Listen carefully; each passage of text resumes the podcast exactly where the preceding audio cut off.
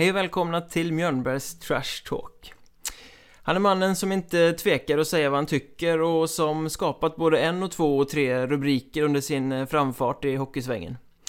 I dagens avsnitt mötte jag Vita Hästen-VDn Fredrik Jensen som eh, bland väldigt mycket annat berättar om att ta obekväma beslut, eh, varför det som VD är vettigt att vara ute och debattera med fans i sociala medier och varför han överhuvudtaget hösten 2012 hoppade på det där som alltså var ett ekonomiskt haveri i eh, klubben. Dessutom hade han ju en eh, ganska skaplig målvaktskarriär som startade med ett trauma i Tingsryd och slutade på bänken i gamla Dackehallen. Vill ni kontakta mig? Då mejlar ni mikael.mjornberg.se Ni skriver till mig på Twitter, det heter @mjornberg eller så interagerar ni med poddens eget eh, Twitterkonto som ni hittar på @mjornbergpodd. Eller så letar ni upp Mjörnbergs Trash Talk på Facebook. Det är väldigt enkelt. Eh, ni hittar som bekant också podden på plattformar som iTunes och Acast och om ni inte redan gör det så kan det vara läge att eh, börja prenumerera på den där så är ni helt säkra på att inte missa ett enda avsnitt för det kommer ju ganska många nu i, i tät följd. Men eh, Fredrik Jensen, han har faktiskt eh, väldigt mycket att berätta så det är lika bra att vi kör igång det här tycker jag. Trevlig lyssning. Idag sitter jag i eh, en eh, fin, ganska nybyggd loge i Himmelstalundshallen Tittar på ett eh, hockeyallsvenskt lag som eh, matchvärmer inför en match som ska spelas i afton och har fått eh, sällskap av klubbens starke man, vet jag inte om man ska säga, men eh, Fredrik Jensen, VD. Ja, det har du fått. Tack för att jag får komma. Hur är pulsen så här när det vankas match? Än så länge är det ganska lugnt. Det brukar eh, öka lite ett par timmar innan och sen när pucken släpps så är den på, på max tror jag. Sen, eh, sen är det ju en känsloresa kommande två timmarna. Du studsar upp och ner och eh, kastas mellan hopp och förtvivlan? Inombords studsar jag upp och ner men utåt sett ser jag nog ganska lugn ut. Men ja, kanske kommer ur med ett annat okvädesord ibland eller ett jubel när det blir mål. Men är det viktigt och, och i den position som du befinner dig i ändå liksom hålla masken lite? Ja, på något sätt så oavsett situation så måste man ju visa, visa trygghet och visa, visa att man tror på, på det vi gör. Mitt jobb är ju väldigt långsiktigt snarare än hur det går i matchen ikväll. Men sen är det klart att man är engagerad. Och jag har nog aldrig varit någon sån som lever ut mina känslor med stora gester och eh, yvigheter. Men eh, det är klart att jag blir glad när vi vinner och att det är mindre glatt när vi, när vi förlorar. Men det ska inte behöva vara avgörande för, det vore för klubben. Nästan, det vore nästan lite tjänstefel annars. Ja, exakt. Nej men det är klart att jag... Det, det, man, är ju, man älskar ju att vinna, så är det. Är det någon skillnad nu när du är klubbledare eller företagsmänniska kontra när du själv spelade? Ja, det, det, det är det. Jag hade eh, ganska mycket prestationsångest inför matcherna när jag spelade. Eh, och sen ble, blev jag nog ännu gladare än vad jag blir nu när vi, när vi vann. Och just den där känslan av att få vara en del av det laget som gör det var ju liksom det som, som höjde det ytterligare. Sen är det klart att jag är en del av klubben nu också men, men det blir inte alls på samma sätt. Så det, det var väl eh, lite mer, eh, lite, lite mer ytterligheter i highs and lows om man säger så när man var spelare. Prestationsångest i formen eh, knut i magen? Svårt att förklara men eh, lite, lite jobbigt. Eh, liksom, det, det, gjorde att man var fokuserad och var tvungen att jobba mentalt med att, att vara förberedd för match. Men ja, lite, lite nervositet och knut i magen kanske är rätt ord. Det är väldigt svårt att förklara men eh, Eh, generellt sett så mådde jag rätt eh, dåligt inför matcher. och jag vet många, många andra spelare som gör det också. Man, är, man är liksom, har lite ångest helt enkelt. Hela karriären? Ja, det kan man nog säga. Varför spelar du då så länge? För att du höll ju på som målvakt ett bra tag. Ja, jag vet inte om man är någon slags självspäkningsexpert eller någonting. Men samtidigt så är det ju kontrasten mellan, mellan det innan matcherna och den känslan som man har när man vinner är ju kanske det man gick igång på, vad vet jag. Men eh, den där prestationsångesten gjorde ju att adrenalin på slag och så vidare eh, gick, eh, gick igång. Så att eh, det var väl eh, eh, naturlig drog så att säga som, som man går på. Det vet ju alla som tränar hårt och så vidare vad, vad det innebär. Lite sådär också att man ska genomlida det jobbiga för att få njuta ännu mer av det segerns sötma sen. Ja, på något sätt. Alltså man måste förtjäna den där segerns sötma. Vi är ju alla liksom uppväxta i ett lutherskt samhälle. Så att det ligger på något sätt i vårt DNA att, att man ska, ska se det på det viset. Man ska inte serveras. Nej, exakt. Men, men då måste det ju blivit sjukt jobbigt om ni förlorade mycket. Och inte fick ja, den här belöningen. Nej, men jag var ganska deppig efter matchen när vi förlorade. Det var, jag var nog, jag var nog inte så rolig att ha att göra med då. Eh, såklart, det var man. Och det tog nog ett dygn eller två innan man kom över det. Surskalle? Ja, eh, jag var nog, jag var, jag var jäkligt självkritisk. Jag var ofta missnöjd med mig själv när vi förlorade.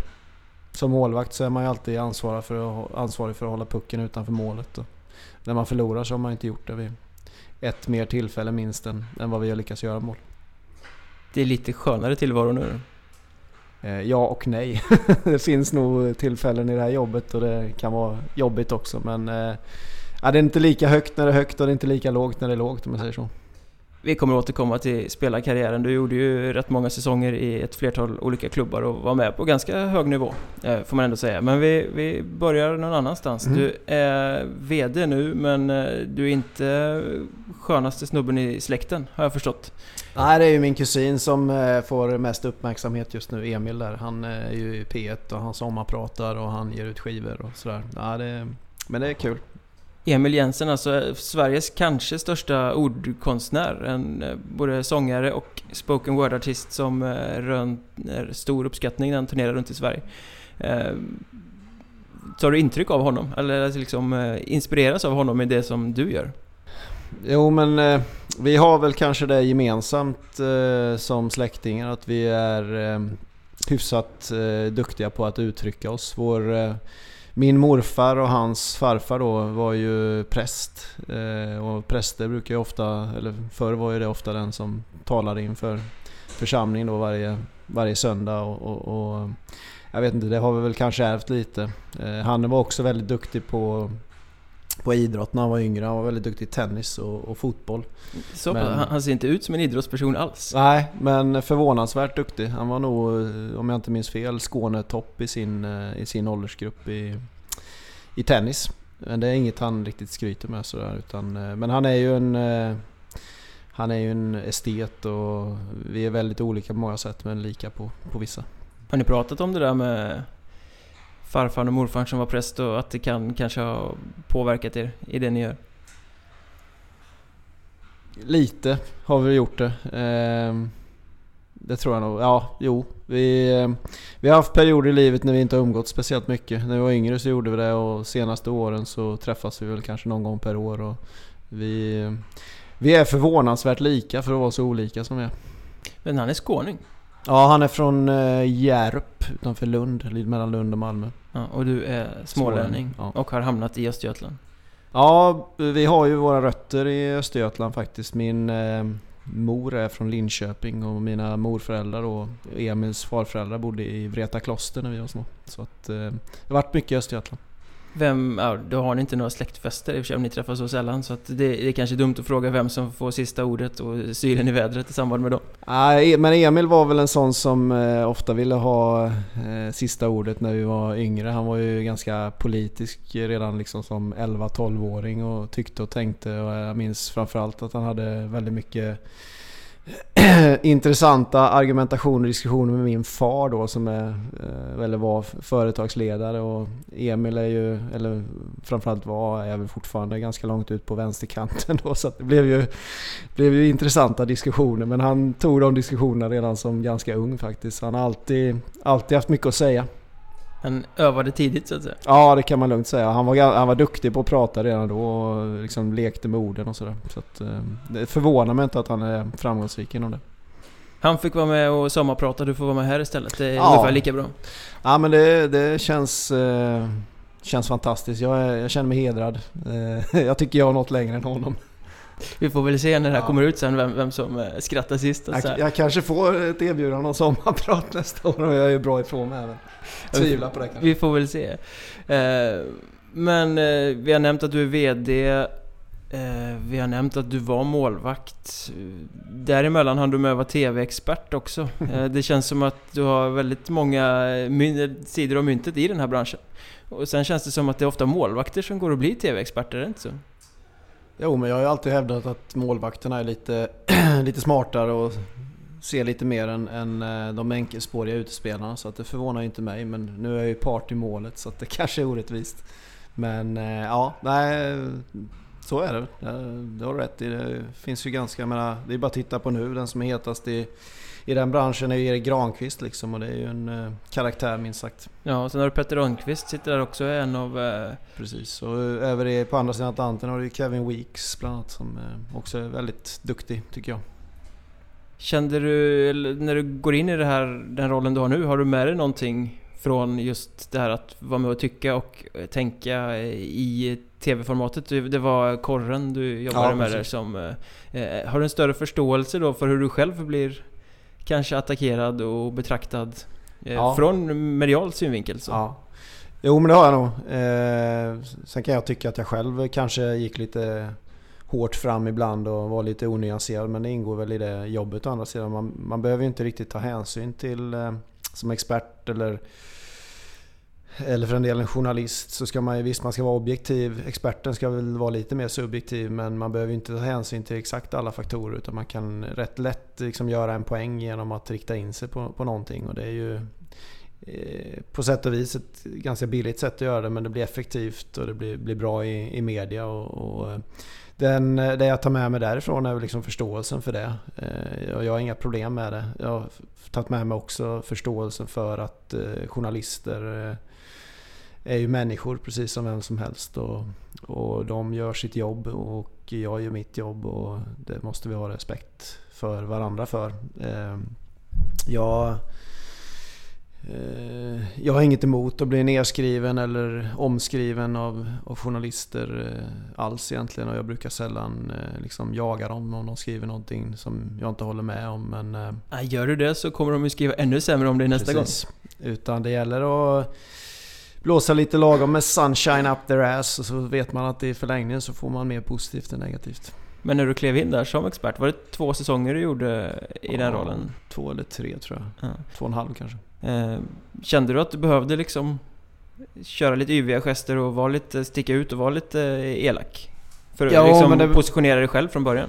man behöver ju, jo men det behöver man ju göra. Man behöver ju synas och höras annars blir man ju inte långvarig där och det är ju det är bara att titta på en sån som Wikegård liksom. Han måste ju hitta någonting att tycka och tänka om. Annars blir han ju inte kvar liksom och då, då byts man ut.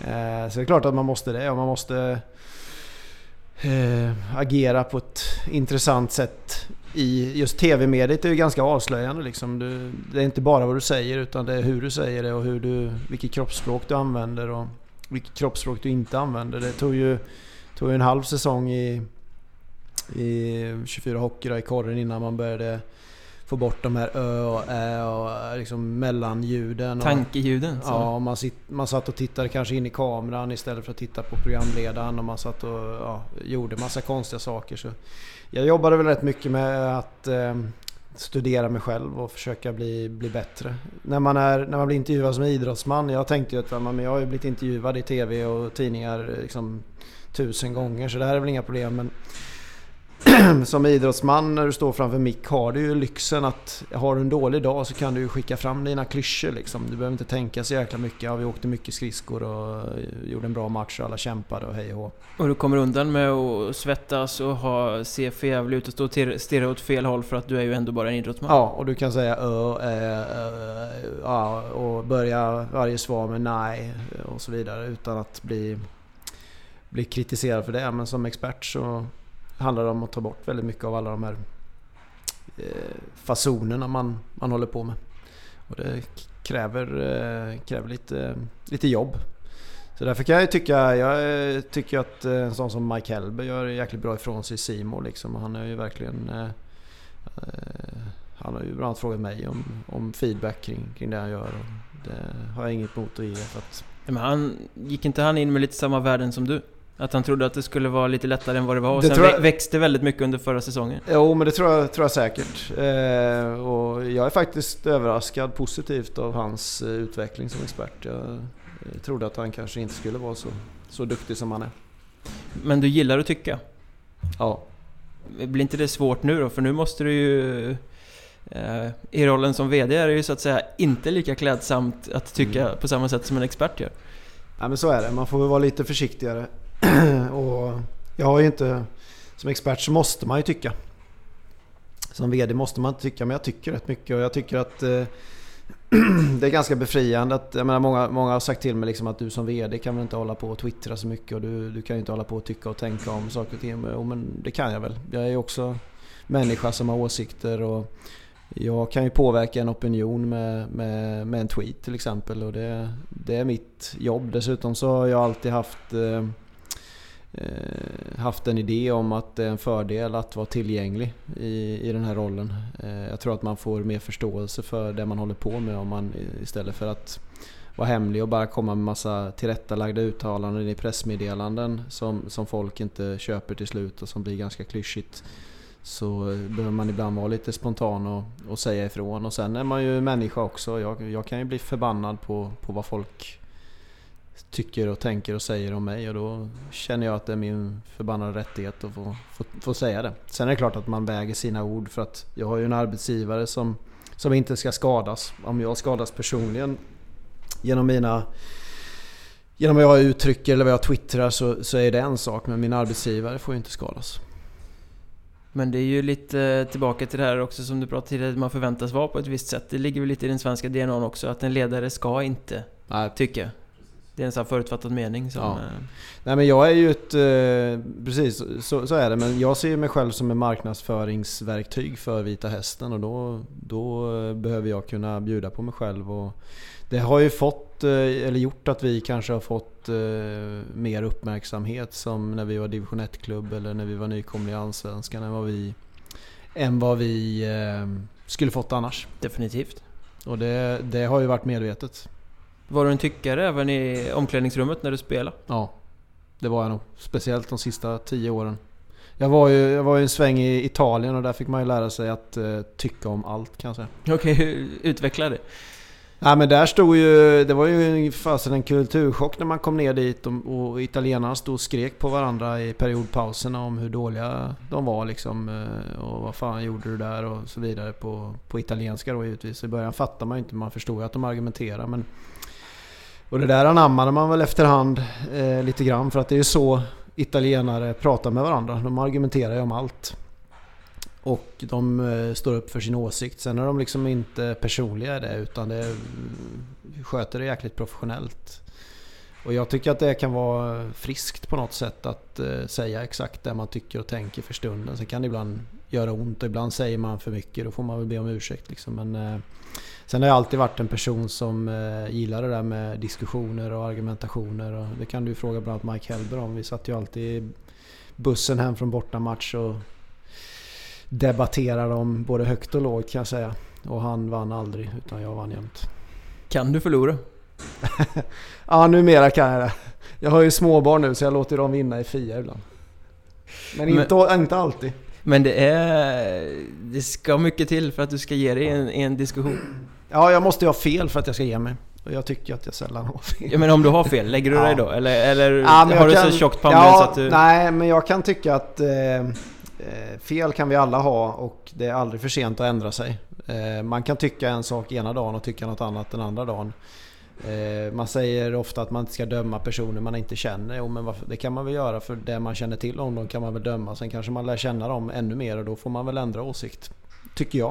Eh, men då måste man också kunna erkänna att man har fel och jag har väl haft fel miljon gånger antagligen i mitt liv. Men, men just där och då så kanske man inte kände det. Sen fick man mer fakta på bordet eller fick någon, något argument till sig som, som överbevisade det. Sen, Insikten kommer i efterhand? Ja, men ibland gör det, gör det det. Men, men eh, eh, jag, eh, alltså vet jag att jag har fel så är det ju ingen idé att argumentera. Nej, då ser man ofta rätt dum ut i slutändan. Ja, precis. Men då kanske man får ta en annan vinkel på själva problematiken och få lite rätt då, om man säger så. Men Italien i alla fall. Fassa ja. hette klubben va? Är högsta ligan. Jajamän, Serie A. Det är, är faktiskt Italiens mesta Serie A-klubb. De har spelat flest säsonger. Nu tror jag den där ligan har ombildats lite och Bolzano har gått till österrikiska och Fassa tror jag numera i år spelar i någon sån alpkonstellation. Men eh, ja, Fassa. Hur var det att spela hockey där? Det var... Nej, jag trivdes ypperligt kan jag säga. Eh, hockeyn, jag var ju där OS-året 2004 var mitt första år och då, då var ju den ligan eh, rätt bra. Det var åtta lag. Jag tror det var 25 svenskar i ligan det året och det berodde mycket på att året innan hade Cortina vunnit med eh, Ja, 17 heter han? Nilsson? eh, Jag kommer inte ihåg han lite förnamn. Rolf Nilsson som tränare tror jag. Han som är i Piteå nu.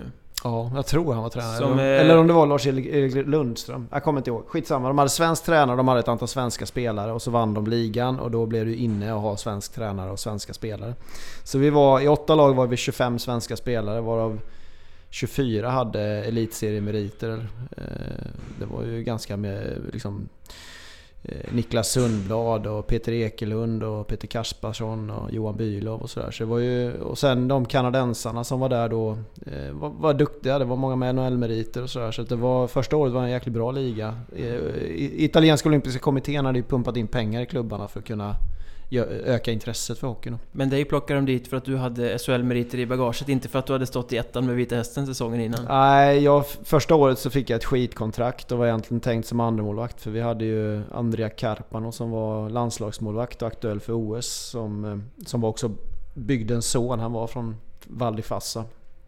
Som var tänkt som första målvakt. De plockade dit mig och jag tjänade inte speciellt mycket pengar men jag, jag ville komma, komma utomlands. Eh, sen gick det jäkligt bra för mig första året och jag tog över den där första spaden. Eh, och blev kvar. Men nej, det, var, det var en förvånansvärt bra liga. Sen andra året jag var där så var det något sämre kvalitet. Men det var fortfarande mycket bättre än vad, vad jag tror många tror. Eh, norra Italien där spelas det ju rätt mycket hockey. Sen är det kanske en eh, lite naiv hockey. Och italienarna... Det finns några riktigt duktiga italienare. Eh, vi har ju haft eh, någon i Sverige som, som har spelat i Rögle bland annat. Och Scandella va? Scandella, Julius Scandella. Han spelade i Asiago när jag, eller om det var Milano när jag var, var där. Ehm, många sådana dubbelpassare liksom som, som, som är rätt duktiga. Följer du det fortfarande? Ja det gör jag. Jag försöker hålla lite koll sådär. Jag följer liksom Fassa på Facebook och hoppas att det går bra för dem. Och det är lite roligt just nu har de en målvakt som heter Gianni Scuola som är lokal förmåga som jag faktiskt... Jag hade en roll som målvaktstränare i, i Fassa då för ungdomslagen och jag tränade honom som... Eh, som eh, när han var liten. Eh, det här var ju 10 år sedan så han var väl kanske... Ja han kanske var 10 år då. Det är lite kul att han, eh, han är deras första målvakt eh, nu då. Så att det, är roligt tycker jag. Kan det hända att eh, vi får se någon eh, italienare på isen här i Himmelstalundshallen någon gång? Högst tveksamt för att de bästa italienarna tjänar för mycket pengar i italienska ligan för att vi, vi skulle inte betala dem så mycket. Eh, så att det händer nog inte. Men det, är klart det vore lite, lite kul men eh, det skulle... Det skulle nej, det tror jag inte kommer hända faktiskt. Så när det hamnar italienare i typ Hockeyettan och så, jag vet Kallinge har tagit någon, då är det någon, eh, något avskrap från botten liksom. Jag tror att det de har tagit, eh, ja... Eller så är det en italienare som tycker att jag kan gå ner lite i lön och eh, försöka visa upp mig i Sverige. Den, det resonemanget har ju många både i Italien och Frankrike, eller många men några i alla fall. Men du säger att du lärde dig det här eh, åsiktsklimatet som var i omklädningsrummet då. Betyder det att du blev lite annorlunda när du kom tillbaka till Sverige sen? För efter de här två säsongerna, det var tre säsonger? Två säsonger. En säsong i Frankrike också. Ja, just det. Så kom du tillbaka till Sverige. Mm. Ehm, och... Hade du med dig det lite i bagaget då? Så att du blev en sån här pain in the ass för de andra? Nej, det tror jag inte. Det, eh, alltså, vad jag upptäckte när jag kom till Italien så vantrivdes jag ganska kraftigt första två månaderna. För att jag var ju svensk och jag kom i tid och ingen annan kom i tid. Och jag tyckte det är jobbigt när folk argumenterar och sådär. Men Du kom för sent idag. ja, det gjorde jag. Eh, och det är väl en, en, en eh, sån där grej som jag kanske fortfarande lever med. Och som Du lärde dig som sagt, ja. Ja. Det, lite sådana grejer tog jag med mig hem. Alltså man är tvungen att leva som en italienare för att trivas i Italien. Man är tvungen att köra bil som en dåre och svära åt de andra i trafiken. Och är tvungen att argumentera och eh, leva lite deras liv och komma sent och sådär också till möten för den delen. Ehm, eh, leva lite, ja, domani som de säger, eller manana som man säger i Spanien då. Eh, morgondagen tar vi det på liksom. Men och när man kommer hem, det är klart att det formar väl mig lite som person att ha levt i den kulturen i, i några år men, men eh, när man kommer hem så är man ju, blir man ju rätt svensk ganska snabbt. Men eh, jag märk, märker väl fortfarande av att jag... Eh, just det här med humör som... Jag har alltid haft ett ganska stabilt och lugnt humör. Och det kanske var, kunde vara lite mer skiftande när jag hade varit i Italien. På gott och ont liksom. Men eh, eh, ja, lite mer liksom... Alltså italienare är ju enormt passionerade oavsett vad de gör och det, det kan ju vara ganska inspirerande. Och sen första halvåret hemma så körde jag bil som en italienare och det var ju många som irriterade sig på.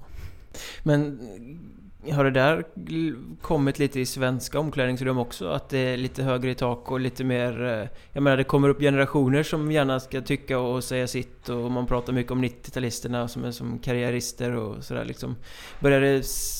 Det här typiskt svenska, alla sitter stilla, tyst och lyssnar på vad tränaren säger och har ingen egen åsikt i det? Börjar det liksom fasas ut lite? Nej, men så, så tror jag inte det har varit heller. Alltså på hög nivå så är det ofta ganska hög, högt i tak i omklädningsrummet. Och, eh, det är lite olika i olika lag men, men eh, nu vet ju, nu har inte jag suttit i omklädningsrum på 5-6 år så att eh, jag vet inte riktigt hur, hur de här 90-talisterna påverkar det men eh, jag, jag kan ändå, tänka mig att du smyger lite här nere i, i korridorerna. Faktiskt mindre än vad man tror. Jag är det så?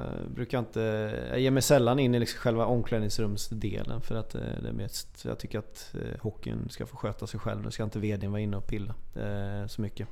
Men nej, alltså det är högt i tak i svenska omklädningsrum med. Sen är ju i ett italienskt så är det kanske lite mer högljutt och de är inte alltid lika...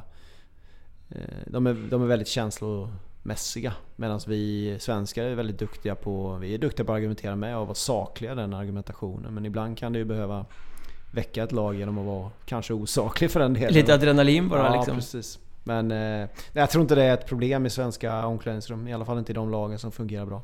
Men den här Italien-sessionen, den gjorde i alla fall stort intryck på dig? Ja, det gjorde det. Jag har vänner för livet i Italien och jag eh, besöker Italien väldigt ofta. Eh, jag har som tur var föräldrar som har hus utanför Rom också, så där är jag ett par veckor per år. Eh, och ska faktiskt ner till Val di Fassa nu i vinter och åka lite skidor och sådär. Så att, ja, Italien är ett land som, det känns som mitt andra, andra hemland faktiskt. Jag älskar Italien och, och många goda italienska vänner. För de är ju verkligen så att blir man väl vän med dem då är man... Eh, då är det tight, Då är liksom. man mm. La Familia.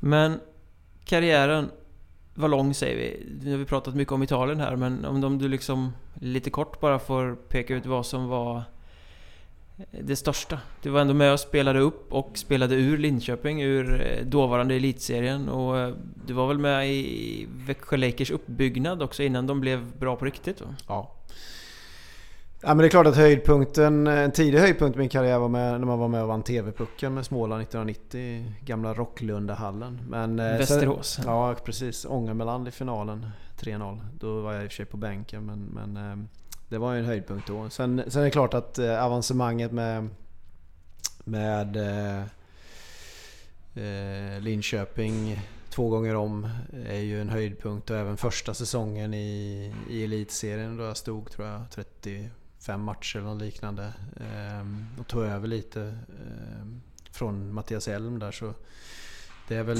det är väl där egentligen som om man tittar hockeymässigt som jag pikade i min karriär. Och vi hade... I gamla äckliga Stångebrohallen ja, det var så här hönsnät bakom ja, målen och precis. sånt. Eh, älskade att spela där men det var ju det var en galen publik på den tiden. Men eh, vi hade fram, framförallt hade vi väldigt eh, bra gäng där, ett bra lag. Det var många många personer i det laget som var eh, som är oerhört eh, bra människor och eh, som Ja, vi hade en förbannat bra grupp där och det, jag trivdes enormt bra där och Ja, det var, det var kul att få vara med om. Sen är det klart att eh, avancemanget med Växjö från division 1 till Hockeyallsvenskan var ju också jättekul. Jag kom in rätt sent där. Jag var i Bakersfield en sväng och fick sparken och sen kom hem till, till division 1. Då. Eh, det här var året efter jag lämnade Linköping men fick vara med om att gå upp och spela första året i Allsvenskan med Växjö Lakers. Och det gick ju rätt bra. Vi kvalade ju mot Skellefteå eh, från kvalserien som nykomling. Så det, var, det är en kul, kul att få vara, vara med om också. Jag brukar säga det, jag har varit i ganska många klubbar men man lämnar en liten del av sitt hjärta i varje klubb man har varit i. Eh, och så är det. Jag, jag är ju själv smålänning och från Åseda som ligger fyra mil från Växjö så att eh, jag mötte ju Växjö HC som, ja, när jag kom upp i A-laget som 12-13-åring i division 3-4 där. Föregångaren till eh, ja, Lakers Ja, då. precis. Så att det var ju lite häftigt att se den utvecklingen som, eh, som den klubben har gjort och, och fortfarande gör. Ehm, och det är klart att man, det kan man vara lite stolt över. Sen var ju jag, jag var ju aldrig någon stjärna hockeymässigt så. Jag trodde väl kanske att jag skulle bli det. om Man hade närde någon dröm om, om större framgångar när man var 25, 26, upp till 25, 26, 27 där någon gång. Ehm, eh, sen jag hade Eh, ganska rejäl dipp året efter jag lämnade Linköping för då hade bara karriären gått uppåt. Eh, alltså rent, rent mentalt i karriären. Och, så började man väl inse där framåt 30 att man aldrig skulle bli där NHL-proffset som man hade velat. Och då fokuserade jag mest på att ha roligt och hamnade i Italien och hade förbannat kul med hockeyn. Eh, mer än tidigare var det lite, lite allvarligt då när man skulle satsa och då var man ännu deppigare när det gick dåligt och sådär. Eh, nej men ja, nej, det, har varit en, det var en kul karriär. Ja, men mental smäll, är den tuff den där när man har varit, du spelar i elitserien två vändor i alla fall och sen plötsligt så måste kliva ner på eh, division 1 nivå för att få kontrakt? Ja, alltså personligen så var inte jag riktigt mentalt redo för det. Jag trodde ju att jag var bättre än vad jag var. Och det är ju ett problem som många hockeyspelare har som Det, kanske inte det blir... måste du ju se här ute ganska ofta. Eh, det förekommer, gör det. Eh, och självinsikt är väl kanske en av de egenskaperna som är viktigast för ja, oavsett vad man vill bli framgångsrik i. Och jag hade inte den självinsikten när jag var yngre. Och det tror jag är en del av att jag inte kom högre än vad jag gjorde. Jag tror, och sen var jag dessutom alldeles för lat. Jag tränade för lite. Även om jag har tränat enormt mycket i... Liksom, jämfört med en vanlig människa så har jag givetvis tränat på elitnivå. Men jämför man med de med som spelar i NHL nu, Ja, så. precis. Så, så var jag lite för lat. Jag kanske hellre gick ut på krogen än, än, äh, än tränade en extra gång. Liksom. Och, ja, fuskade lite med det där. Sen var jag helt okej tränad och sådär. Du får fråga Niklas Janetski. Han kom med en gammal träningsdagbok från LHC-tiden till mig för några, några månader sedan. Som man hade hittat någonstans? Ja, han hade sparat det. Han har sparat allt. Han är, han är en sån där hamstrare som sparar på gammalt eh, fint. Så där, I den där träningsdagboken så hade vi fått skriva dels vad det var för träningspass och sen eh, en kommentar om vad vi tyckte om det. Och då hade jag någon kommentar var så här, det här var för jävla tråkigt eller något sånt där stod det. Så jag var väl inte den mest träningsvilliga. Eh, och det kan ju ha påverkat. Sen var jag... Ja, sen hade jag nog... Jag var lite omogen kan jag tycka själv. Eh, när jag ser tillbaks på det. Eh, jag tyckte som sagt att jag var bättre än vad jag var. Och lät väl, när det gick väldigt bra det första året i elitserien så steg väl det lite mig åt huvudet. Eh, och, och, ja, det kom jag liksom aldrig igen från rent karriärsmässigt. Men, men eh, däremot så började jag inse lite senare att hockey handlade mest om att ha, eller mer om att ha roligt än att bli liksom bäst i världen. Hur mycket nytta har du, har du av de där insikterna och av att ha en bakgrund som spelare överhuvudtaget i den rollen som du ikläder dig nu? Eh, nej, men det är klart att det, det är en fördel att förstå, eh, förstå eh, vad det innebär för spelarna att, spela vissa matcher och vad det innebär att vara hockeyspelare på elitnivå. Det är klart att det är, det är en fördel. Sen är det ju inte, det är inte på något sätt en, en avgörande faktor för att vara VD i en hockeyklubb eller klubbdirektör. Men det, det kan vara lite fördelaktigt. Sen rent... Det är så många många pratar om i näringslivet att elitidrottsmän, de har ju, eller sådana, sådana människor med elitidrottsbakgrund har ju något de har ju blivit elitidrottsmän av en viss anledning. Man har kanske ett driv och man har en disciplin och en, en målfokus som, som eh, kanske inte eh, average Joe har. Eh, och det kan man ju ha, det, det är absolut en fördel. Och den här prestationsångesten som var en drivkraft för mig som spelare, det, det är ju det även som eh, oavsett vad jag gör i livet liksom. Och, och, Du måste tävla för att använda en sån här riktig Ja. hockeyklyscha. Ja, jo, men jag gillar att tävla, jag gillar att, att vinna, jag gillar att bli liksom, motbevisa belackar och så vidare. Liksom. Sen, sen gillar jag att göra det på ett snyggt sätt. Men eh, det har jag nog med mig från min aktiva karriär. Och jag har med mig de här eh, den här vetskapen om vad jag själv hade för tillkortakommanden. Och det kanske, nu har inte jag, är inte jag inblandad på något sätt i vår spelarutveckling. Men jag kan ju se vissa spelare som, som själva då eh, kanske inte har den där självinsikten och är lite lika mig som jag var.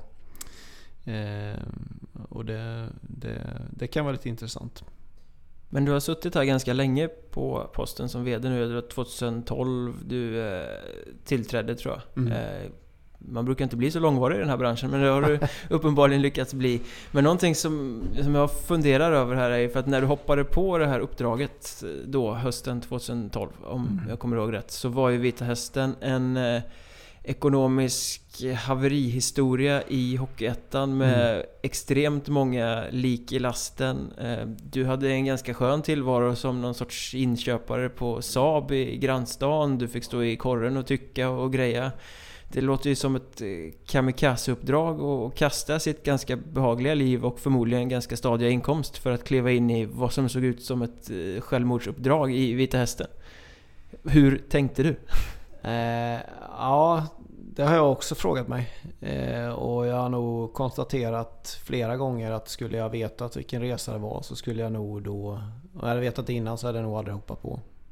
Men eh, jag eh, är väl sån att jag vill ha...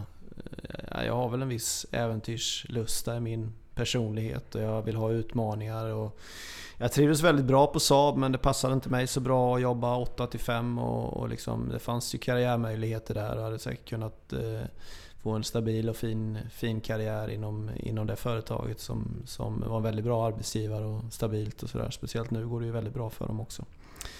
Men jag längtar väl kanske efter någonting mer, lite mer eh, eh ja, spänning. Adrenalinet där igen då? Ja, jag antar det. Och sen, sen utma framförallt utmaningen att... Eh, eh, ja, återigen det här med belackarna. Det, det, kom, det skulle aldrig gå. Men... Eh, sen var ju en avgörande faktor var ju eh, Johan Karlsson som fortfarande sitter i vår styrelse. Vi, eh, vi, eh, vi ja, kom överens om att eh, tillsammans. Alltså det var ett commitment från både han och, hans och min sida om, om vissa, om ett upplägg som, som, eh, som passade oss personligen så att säga. Och vi bestämde oss för att nu kör vi eh, under ett antal år.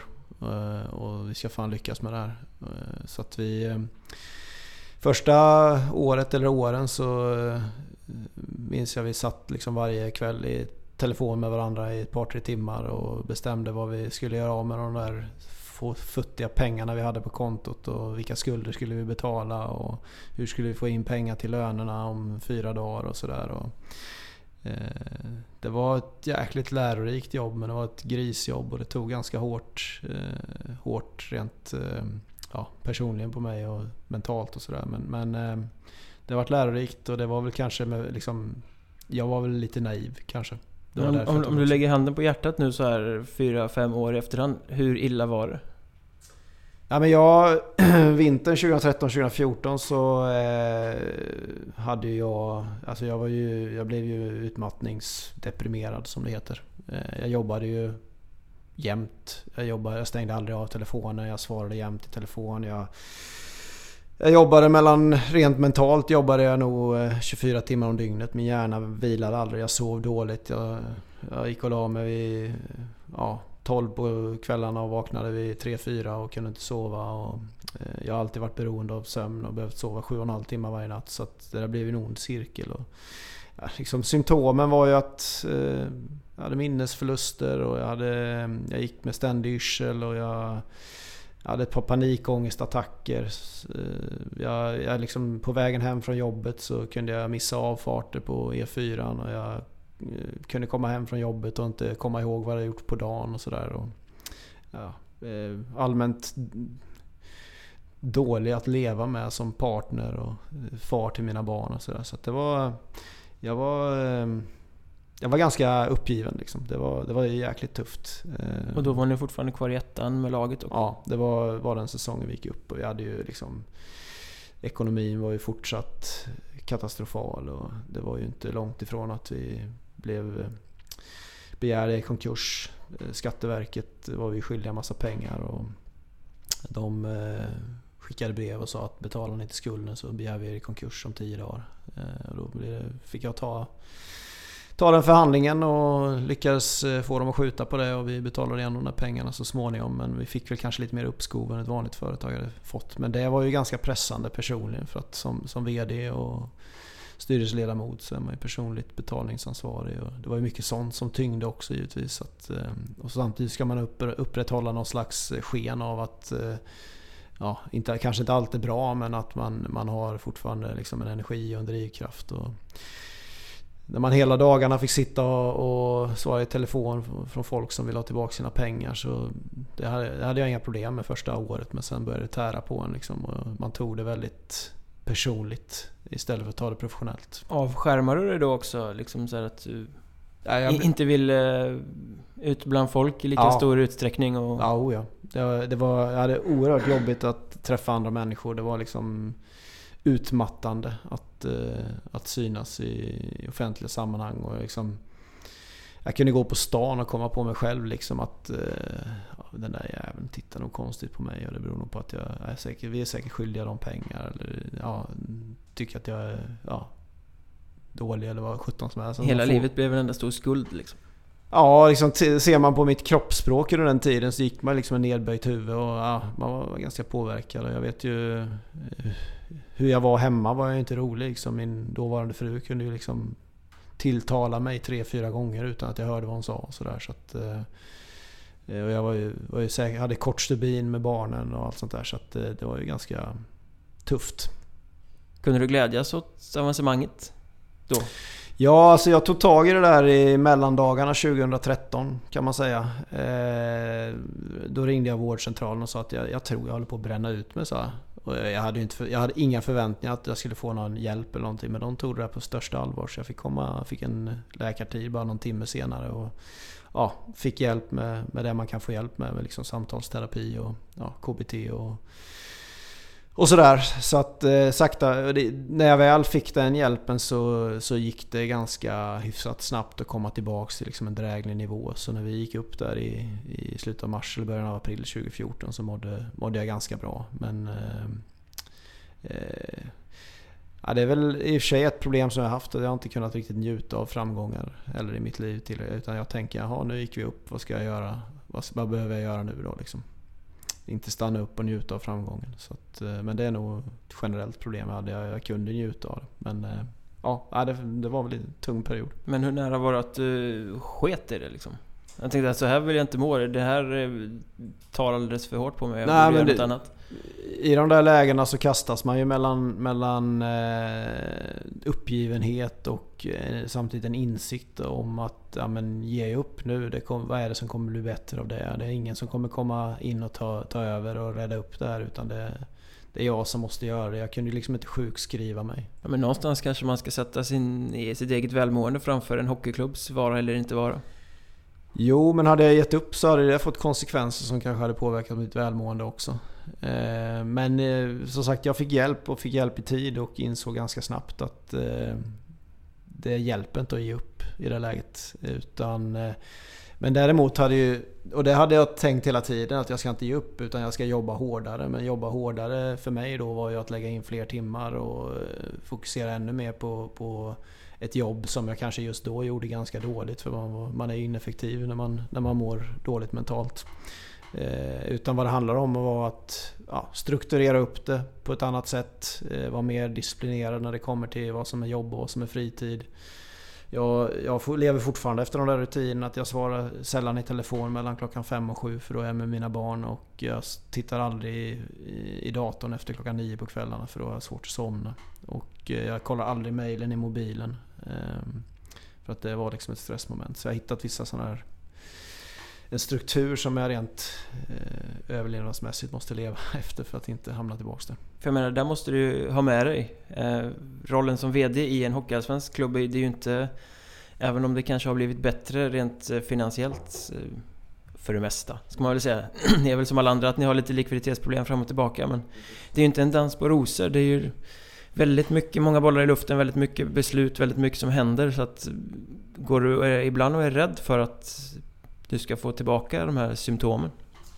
Nej, alltså om man gått igenom en sån där eh, period så blir man ju mer stresskänslig. Men å andra sidan så lär man ju sig också hantera det och ha sett att... Eh, man, man, man, man ändrar sitt sätt att leva helt enkelt. Och jag vet... Jag vet direkt när, när eh, jag kan tolka tecken när jag är liksom på väg ner igen och då kan jag göra någonting åt det. Så jag är inte speciellt rädd för det. Och det handlar egentligen inte så mycket om att ha mycket att göra på jobbet eller ha en pressad situation. Utan det handlar om hur du hanterar det mycket att göra på jobbet och den pressade situationen. Och hanterar du det på ett rationellt och strukturerat sätt så, så hamnar du inte i det. Men, men eh, som människa så kan man ju inte... har man inte verktygen och hanterar rationellt och strukturerat så då kan man ju hamna i en nedåt spiral. Liksom. Och den är ju svår att, att hejda utan hjälp utifrån. Men du hamnade i den där spiralen för att klubben befann sig där den befann sig så att säga? Ja, och sen att jag är den personlighet jag är. Som, som liksom, eh, när jag gör någonting så gör jag det nog, eller jag gör det till 100%. Jag jobbar alldeles för mycket och jag tog inte hand om mig själv. Jag slutade träna helt och hållet och ja, sov dåligt. Och, så det var ju det var ju en kombination av alla de här sakerna men framförallt så är ju det eh, min personlighet och jag själv som, som var orsaken till det. Alltså, jo men det, det, är klart att din personlighet var orsaken men du hade ju inte hamnat i situationen om inte läget i klubben hade gjort att din personlighet gjorde att du var tvungen att ta dig an eh, det uppdraget på det sättet. Det kanske jag hade. Så eh, men hur, var befinner sig klubben idag om du, om du tänker kontra... Kontra då? då. Eh, ja, men vi har fortfarande en, en tuff situation. Eh, om än är den ljus vid horisonten och horisonten ligger mycket närmare än vad den gjorde då. Eh, vi har likviditetsutmaningar som det ser ut nu. Eh, men eh, vi har en mycket mer väl fungerande organisation. Det vill säga vi har en sälj och marknadsorganisation som, som eh, jobbar mycket mer professionellt och, och kan säkerställa att vi, vi får de intäkterna vi behöver och eh, vi har en mer eh, strukturerad kostnadskontroll än vad vi hade på den tiden. Vi har mer ordning på, på torpet helt enkelt. Och det gör att eh, även om man har en tuff likviditetssituation så går den att hantera. Har man en plan och kontroll på det så är det inga, är det inga problem. Det är en utmaning fortsatt och det är hårt jobb och sådär men, men... Det finns mer att falla tillbaka på? Ja, det finns mer att falla tillbaka på. Framförallt så har vi en tydlig prognos och plan för, för framtiden. Hur, hur eh, vi så småningom inte ska behöva hamna i de här likviditetsproblemen hela tiden. Men det är ju en lång process. Liksom att, ja, att ta... Finns det på kartan liksom att Vita Hästen ska kunna bli en förening som inte har ekonomiska orosmoln omkring sig? Ja, och det ligger eh, inte så långt bort. Och inte så långt, det beror på vem man pratar med. Det kan vara allt från en månad till fem år beroende på vad man lägger för värdering ja. i ordet. Och det där är ju liksom... Eh, eh, ja, hur, hur kunnig är man inom eh, i ekonomi eh, och hur kan man förklara? Alltså folk vet ju ibland inte skillnad på eget kapital och resultat till exempel och då kan det vara svårt att förklara hur långt bort det är. Men eh, i slutet av oktober till exempel så ska, ska, eh, ska vi vara i kapp med alla släpande betalningar och det har vi aldrig varit under de åren jag har varit i Vita Hästen. Sen är det klart att vet vi att eh, januari och februari är tuffa månader likviditetsmässigt så det är möjligt att det, att det kommer ner i, i, i en liten dal då. Men, men eh, eh, så är det för, för alla klubbar. Ja, det är ju ett genomgående tema. ja, så, i, men, men helt, i alla serier. Helt frisk är ju en klubb som... Alltså vi har ett långsiktigt mål att ha 20% Eh, av omsättningen i eget kapital och då i eget kapital i form av cash på kontot om man säger. Eh, det skulle innebära att vi omsätter ungefär 25 miljoner. Innebär att vi, vi skulle ha 5 miljoner på banken. Och dit är det väl en fem år kanske. Men, men eh, det är ju det är där någonstans man måste vara för att kunna ta sportsliga smällar. Mm. Eh, som ja, Ta exempelvis Karlskrona för ett par år sedan där när, när de gick från att vara extremt välmående med, med antagligen några miljoner på banken till att vara precis att de klarade elitlicensen och ja, de hade ju också likviditetsproblem och så vidare. Gjorde någon ackordsuppgörelse om jag inte minns fel. Nej, det, det, tog, det, tog, två säsonger ungefär att bränna, bränna några miljoner där. Så att du, det, det, går snabbt om det, om det går dåligt och man tappar lite kontroll. Så att, eh, det är det vi jobbar med långsiktigt, att bygga upp det där kapitalet helt enkelt i form av i form av eh, pengar. Du sa att du gillar åsikter och mycket det här mm. tjo eh, runt omkring. Eh, och Vita Hästen är ju en förening där det är väldigt mycket åsikter runt omkring. Eh, många intensiva tyckare som hörs väldigt mycket. Eh, just det här med ekonomi, alltså kan det inte bli lite löjligt ibland? Det är väldigt många som tycker mycket om ekonomi utan att, som du säger, ha ens en susning om vad de ekonomiska begreppen innebär. Jo. Och det gäller kanske inte Vita Hästens supportrar i allmänhet utan alla hockeysupportrar. Det är väldigt Ja. mycket tyckande om ekonomi. Ja men så är det om man pratar ekonomisk doping när, när en kommun subventionerar eller sponsrar och man pratar om eh, ja, det ena och det andra. Eh, och det finns ju väldigt många som tycker om det här med ekonomi och tyvärr väldigt få som förstår sig på det väldigt bra. Eller tillräckligt bra. Är det inte frustrerande liksom? Nej men nu är de ute igen. Nej, nej men...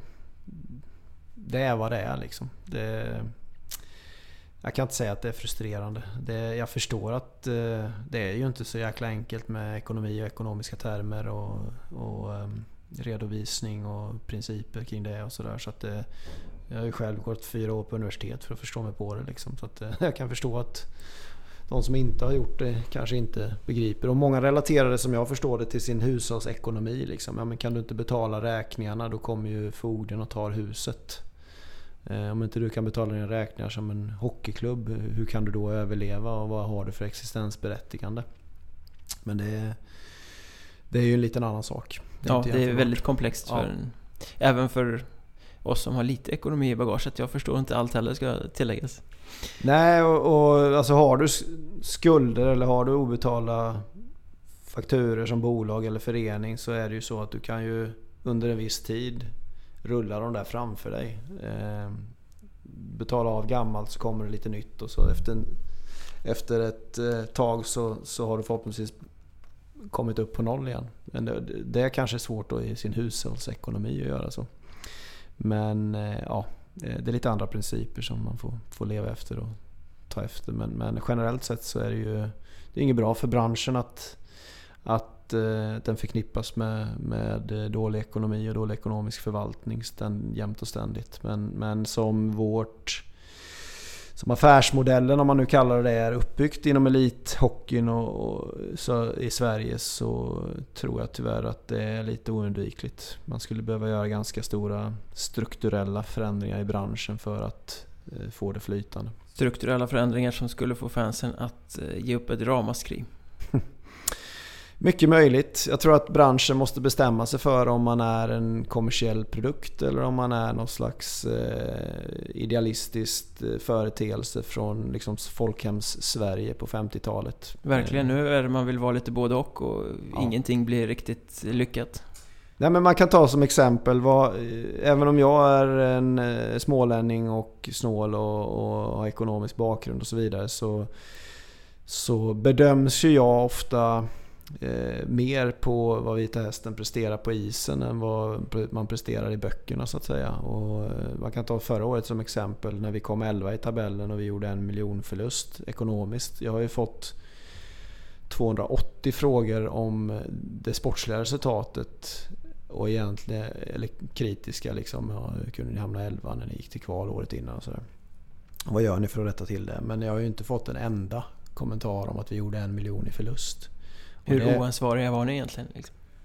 Ja, liksom, den frågan eh, ställdes ju aldrig. Nej. Eh, Eller men, eh, däremot hade, jag varit, hade vi varit ett bolag där då hade ju min ägare kommit till mig och frågat hur fasen kan du, varför gör du en miljon i förlust? Jag vill ju ha avkastning på mina pengar jag har satt in.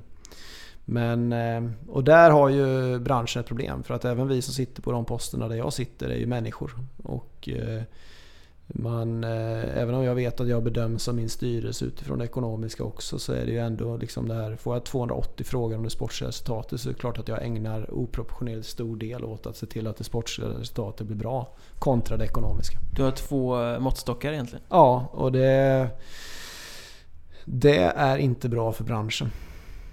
Det där skulle man kunna göra en eh, hel podd om faktiskt. Men jag tror vi får släppa det Mm. ämnet och, och rulla vidare. Vi har ju ändå pratat om det här. Du gillar åsikter, du gillar att folk tycker. Du säger nästan att du vill ha lite belackare och sådär. Ja. Eh, mellan raderna i alla fall. eh, du har ju under de här åren som VD i den här klubben eh, visat att du är en herre som inte är direkt rädd för att ta tuffa beslut. Du backar inte för att ta de obekväma besluten. Så ibland kan man nästan få intrycket av att du gillar att ta de obekväma besluten. Ja, jag tror jag förstår vad du syftar på. Att vi har gjort vissa personalförändringar, man uttrycker det så. Ja, ja vi kan ju ta det här att ni sparkade assisterande tränare nu senast. Mm. Men det har ju varit lite sådana här... Ja. Eh, Ola Svanberg satt på läktaren för att eh, han var tjock och, eh, och sådär. Man behöver inte lägga någon värdering i om det var rätt eller fel. Men det känns, du backar ju inte för att, göra det som andra kanske drar sig för. Nej, Nej det stämmer ju. Eh... Man kan väl säga att alla, alla de där besluten, eller när man tar de besluten eller resonerar sig fram till dem. Det är ju ingen lätt väg fram dit och det är förknippat med eh, ja, ett jäkla analyserande och bollande och viss ångest och, sådär. Gör man rätt och gör man fel? Och man kan ju aldrig veta i förväg om ett beslut är rätt eller fel men man får ju göra den bästa bedömning man kan. Och, det som jag inte gillar är väl eh, stillasittande och tro att saker och ting ska lösa sig. För att den, det, det är också ett beslut att inte göra någonting men det beslutet eh, bör ju i så fall vara välgrundat också. Och har man ett problem eh, i sin organisation så behöver man ofta förändra någonting för att bli av med det problemet. Eh, sen är väl alla de besluten som, eh, jag tar ju Eh, flera beslut varje dag om allt möjligt. Liksom. Ehm, senast igår så kom det någon fråga, kan vi köpa in fyra walkie-talkies till våra funktionärer? Ja, vad kostar det? Det kostar 2000. Ja, men behöver verkligen fyra walkie-talkies? Ja, men de vill ha det. Eh, ja, men kan de inte ringa varandra i mobiltelefoner? Ja, och så ja, är man tvungen att ta ett beslut utifrån det. Och det är ju små beslut hela, hela tiden. Sen de här stora besluten som, som rör människor och, och medarbetare. Det är ju det är ju så många olika dimensioner på det. Eh, om man tar det senaste exemplet när vi entledigade Per Hellenberg så, så har ju inte... Det är ju mitt, mitt förbannade jobb att agera om eh, exempelvis min sportchef tycker att vi ja, för ett resonemang där vi liksom kommer, kommer fram till att det är det bästa för klubben. Men nej, jag är nog inte så rädd för att ta obekväma beslut för, att, för Vita Hästens bästa. Det ingår i min eh, förbannade skyldighet som sagt att göra det. Sen tycker inte jag alltid att det är så hemskt kul att göra det.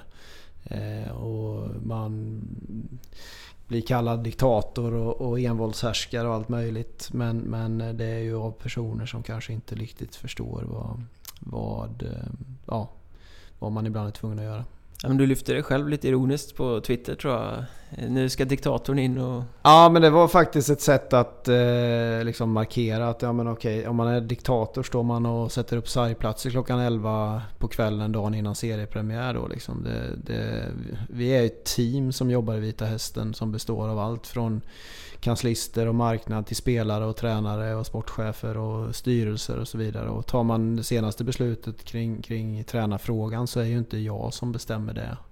Utan det är ju ett, eh, ett beslut som har kommit eh, genom ett års analysarbete av framförallt vår sportchef. Och sen, har, sen, är, sen genomförs ju inte det beslutet om inte jag är med på noterna. Men det, vi har ju förankrat det i styrelser och vi har bollat det med med rådgivare och så vidare. Så att det är ju ett väldigt väl, väl analyserat... Eh, slutsatsen av den analysen var ju att vi skulle göra någonting och den, den slutsatsen är väl underbyggd skulle jag vilja påstå. Men sen blir det du som blir liksom ansiktet för det i och med att... Eh... Ja, det ingår i min roll och vi bestämmer alltid det när vi tar ett beslut. Hur kommunicerar vi det här och vem kommunicerar det här och vem kommunicerar inte det här? Och i just fallet med, med Tränarna senast så var det ganska givet att det var jag som skulle ta det. Vi visste att vi skulle få kritik från vissa håll och då tar jag det. Eh, I min roll som VD. Ibland blir den, personen, eller blir den kritiken personlig och då får jag ta det. Men det, det är väldigt mycket för att övriga organisationen ska få lugn och ro att fokusera på, på att jobba framåt. Så, det,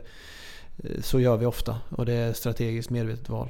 Men tror du att det här att eh, du framstår som den som tar tuffa beslut och sånt eh, också har lite att göra med att många av de här besluten som ni har tagit eh, som också tas i andra organisationer har kommit vid sådana tidpunkter där de syns lite mer. Jag menar nu mm. flyttade ni på en ASS-tränare precis innan serien skulle börja. Mm. Jag minns när ni sparkade Patrik Lyft så skedde det mitt i en kvalserie. Ja. Det blir liksom så extra proportioner på det beroende på när det händer.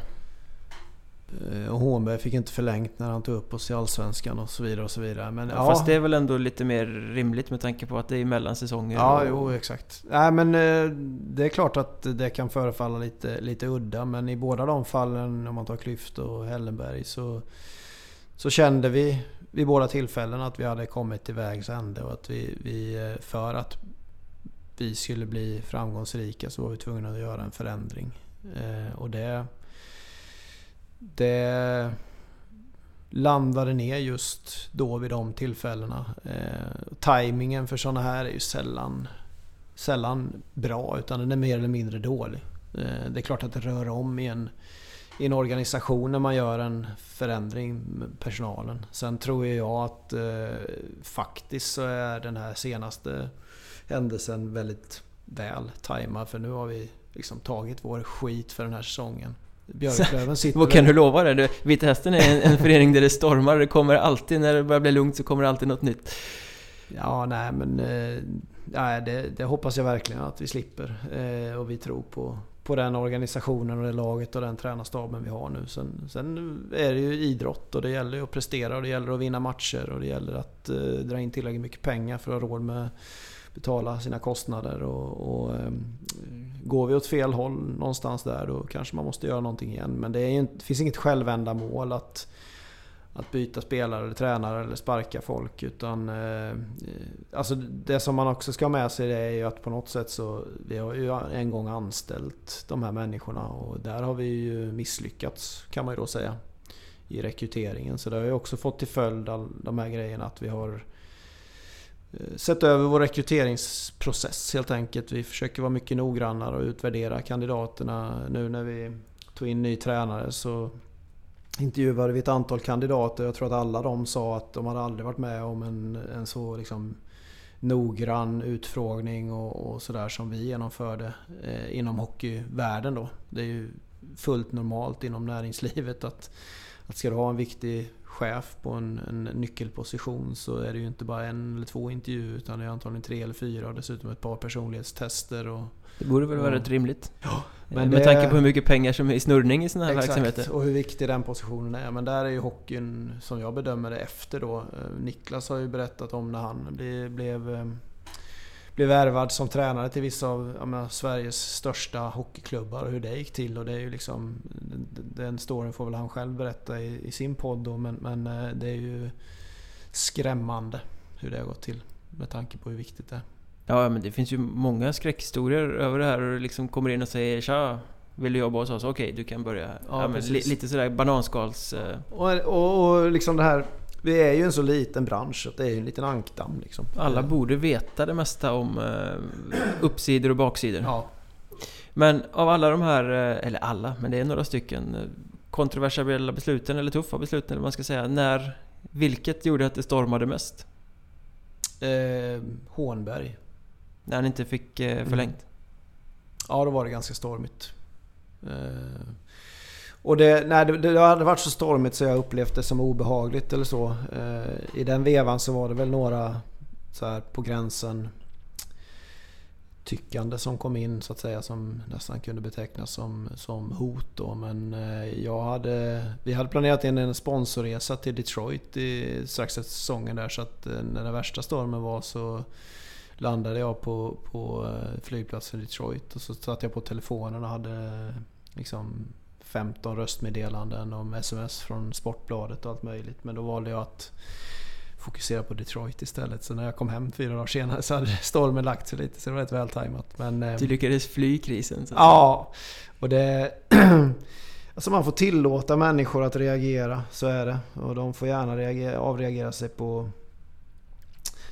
Kalla mig diktator och envåldshärskare och idiot och allt möjligt. Men eh, ja, ibland så kan jag bli lite, lite less på det här. Det är rätt eh, onyanserat. Och, eh, speciellt när, det, när rykten blir till sanningar och det sprids lite för mycket lögner. Då kan jag ibland tycka att det är dags att säga ifrån. Men, men eh, jag har aldrig känt mig jag har aldrig känt obehag inför det där.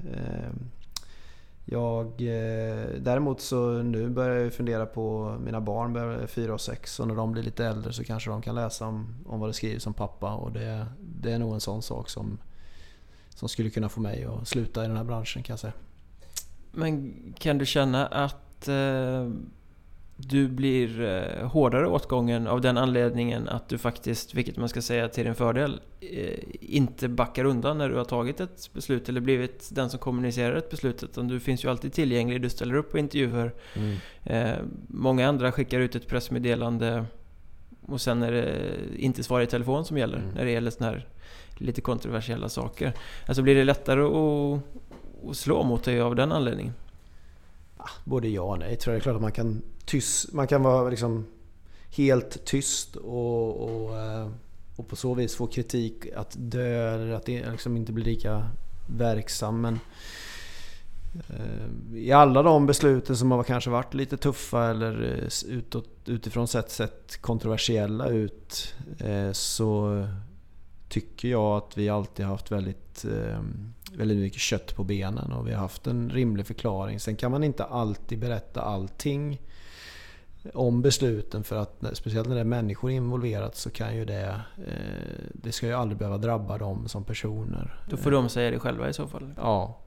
Och, Eh, men, men eh, de förklaringar som vi har gett har alltid varit liksom sanningsenliga och helt, helt, helt och hållet det som är anledningen till varför vi har tagit besluten. Så, ja, det är klart att då, då, det kan man tycka är fel. Man kan tycka att analysen och slutsatserna vi har dragit eh, som har gjort att vi kommit fram till beslut har varit felaktiga. Men jag tycker ändå det är bättre att då liksom sticka ut näsan och kanske ta en snyting.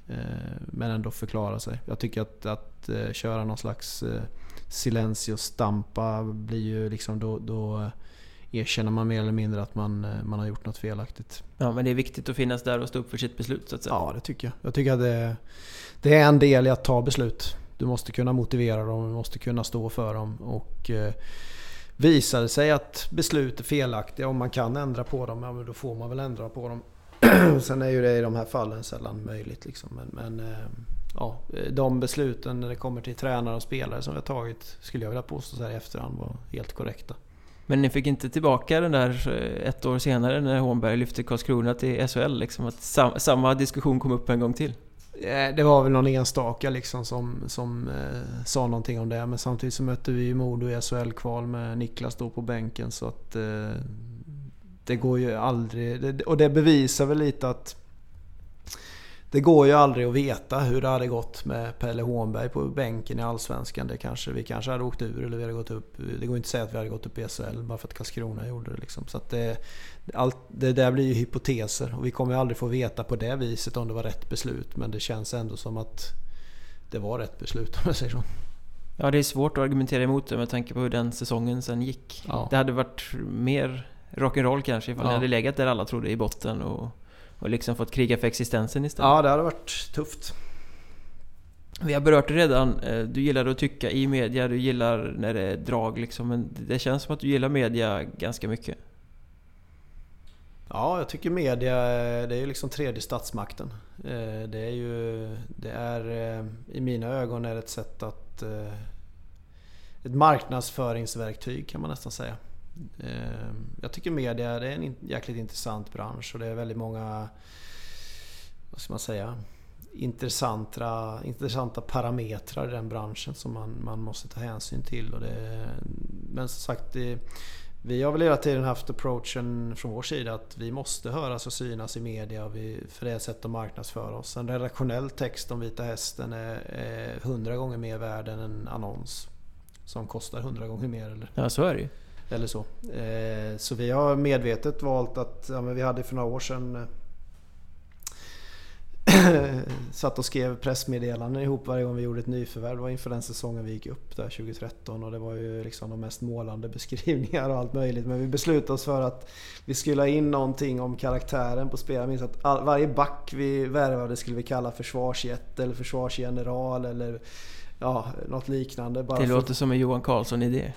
Ja, det var nog faktiskt eh, som vi kokade ihop lite tillsammans. Det, det, det kan, de, dels det skulle vara med och sen skulle det vara med att det var en ekonomiskt sund värvning. Skulle vara med i varje pressmeddelande för att just liksom mata in det där mantrat. Och vi skulle prata om nya Vita Hästen i varje pressmeddelande också. Det måste ju varit lite ironi med också. Så nu ska vi skriva Ja, vi något som blir ju- lite roligt liksom. Vi satt ju och skrattade liksom. Men nu har vi skrivit försvarsgeneral, vi har skrivit backpjäser, vi har skrivit skarprättare. Liksom, vad finns det mer för sådana omskrivningar vi kan använda?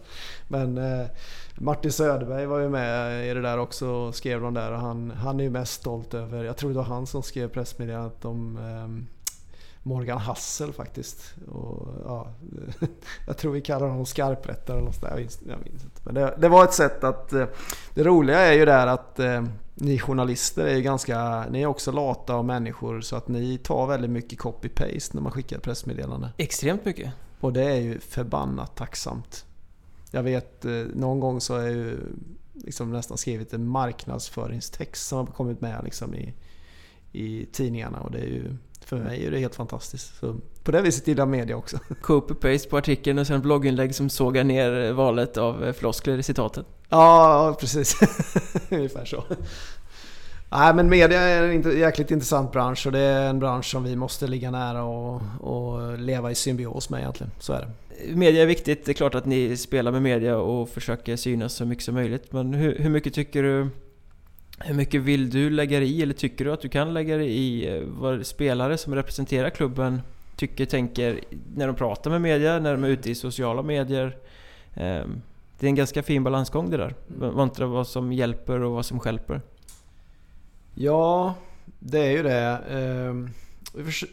Såklart så att vi försöker utbilda våra spelare i vad, vad som är hur, hur det är bäst att prata med media så att säga och vad man inte ska prata om. Och, och men egentligen så har vi inga, inga strikta regler. Det enda vi har sagt i hela organisationen det är att man uttalar sig om det man har ansvar för. Det vill säga som spelare så uttalar man sig om sitt och lagets spel. Som tränare uttalar man sig om taktik och så vidare. Som sportchef uttalar man sig om om, eh, kan man uttala sig även om, om spelet. Eh, det som är så att säga nedanför ja, Sportchefen är ju lite ansvarig för spelet. ja, att, och jag som VD kan egentligen då som är eh, högst upp kan egentligen uttala mig om, om vad som helst. Sen, sen har jag försökt dra ner på mina uttalanden när det kommer till sport. För att jag låta Niklas sköta mer och mer. Sen är det klart att får inte Johnny Dag på NT tag på Niklas av någon anledning. Då ringer han ju alltid till mig och då är ju inte jag tyst utan då vet ju jag vad, vad vi ska säga också. Men eh, det är egentligen den enda så att säga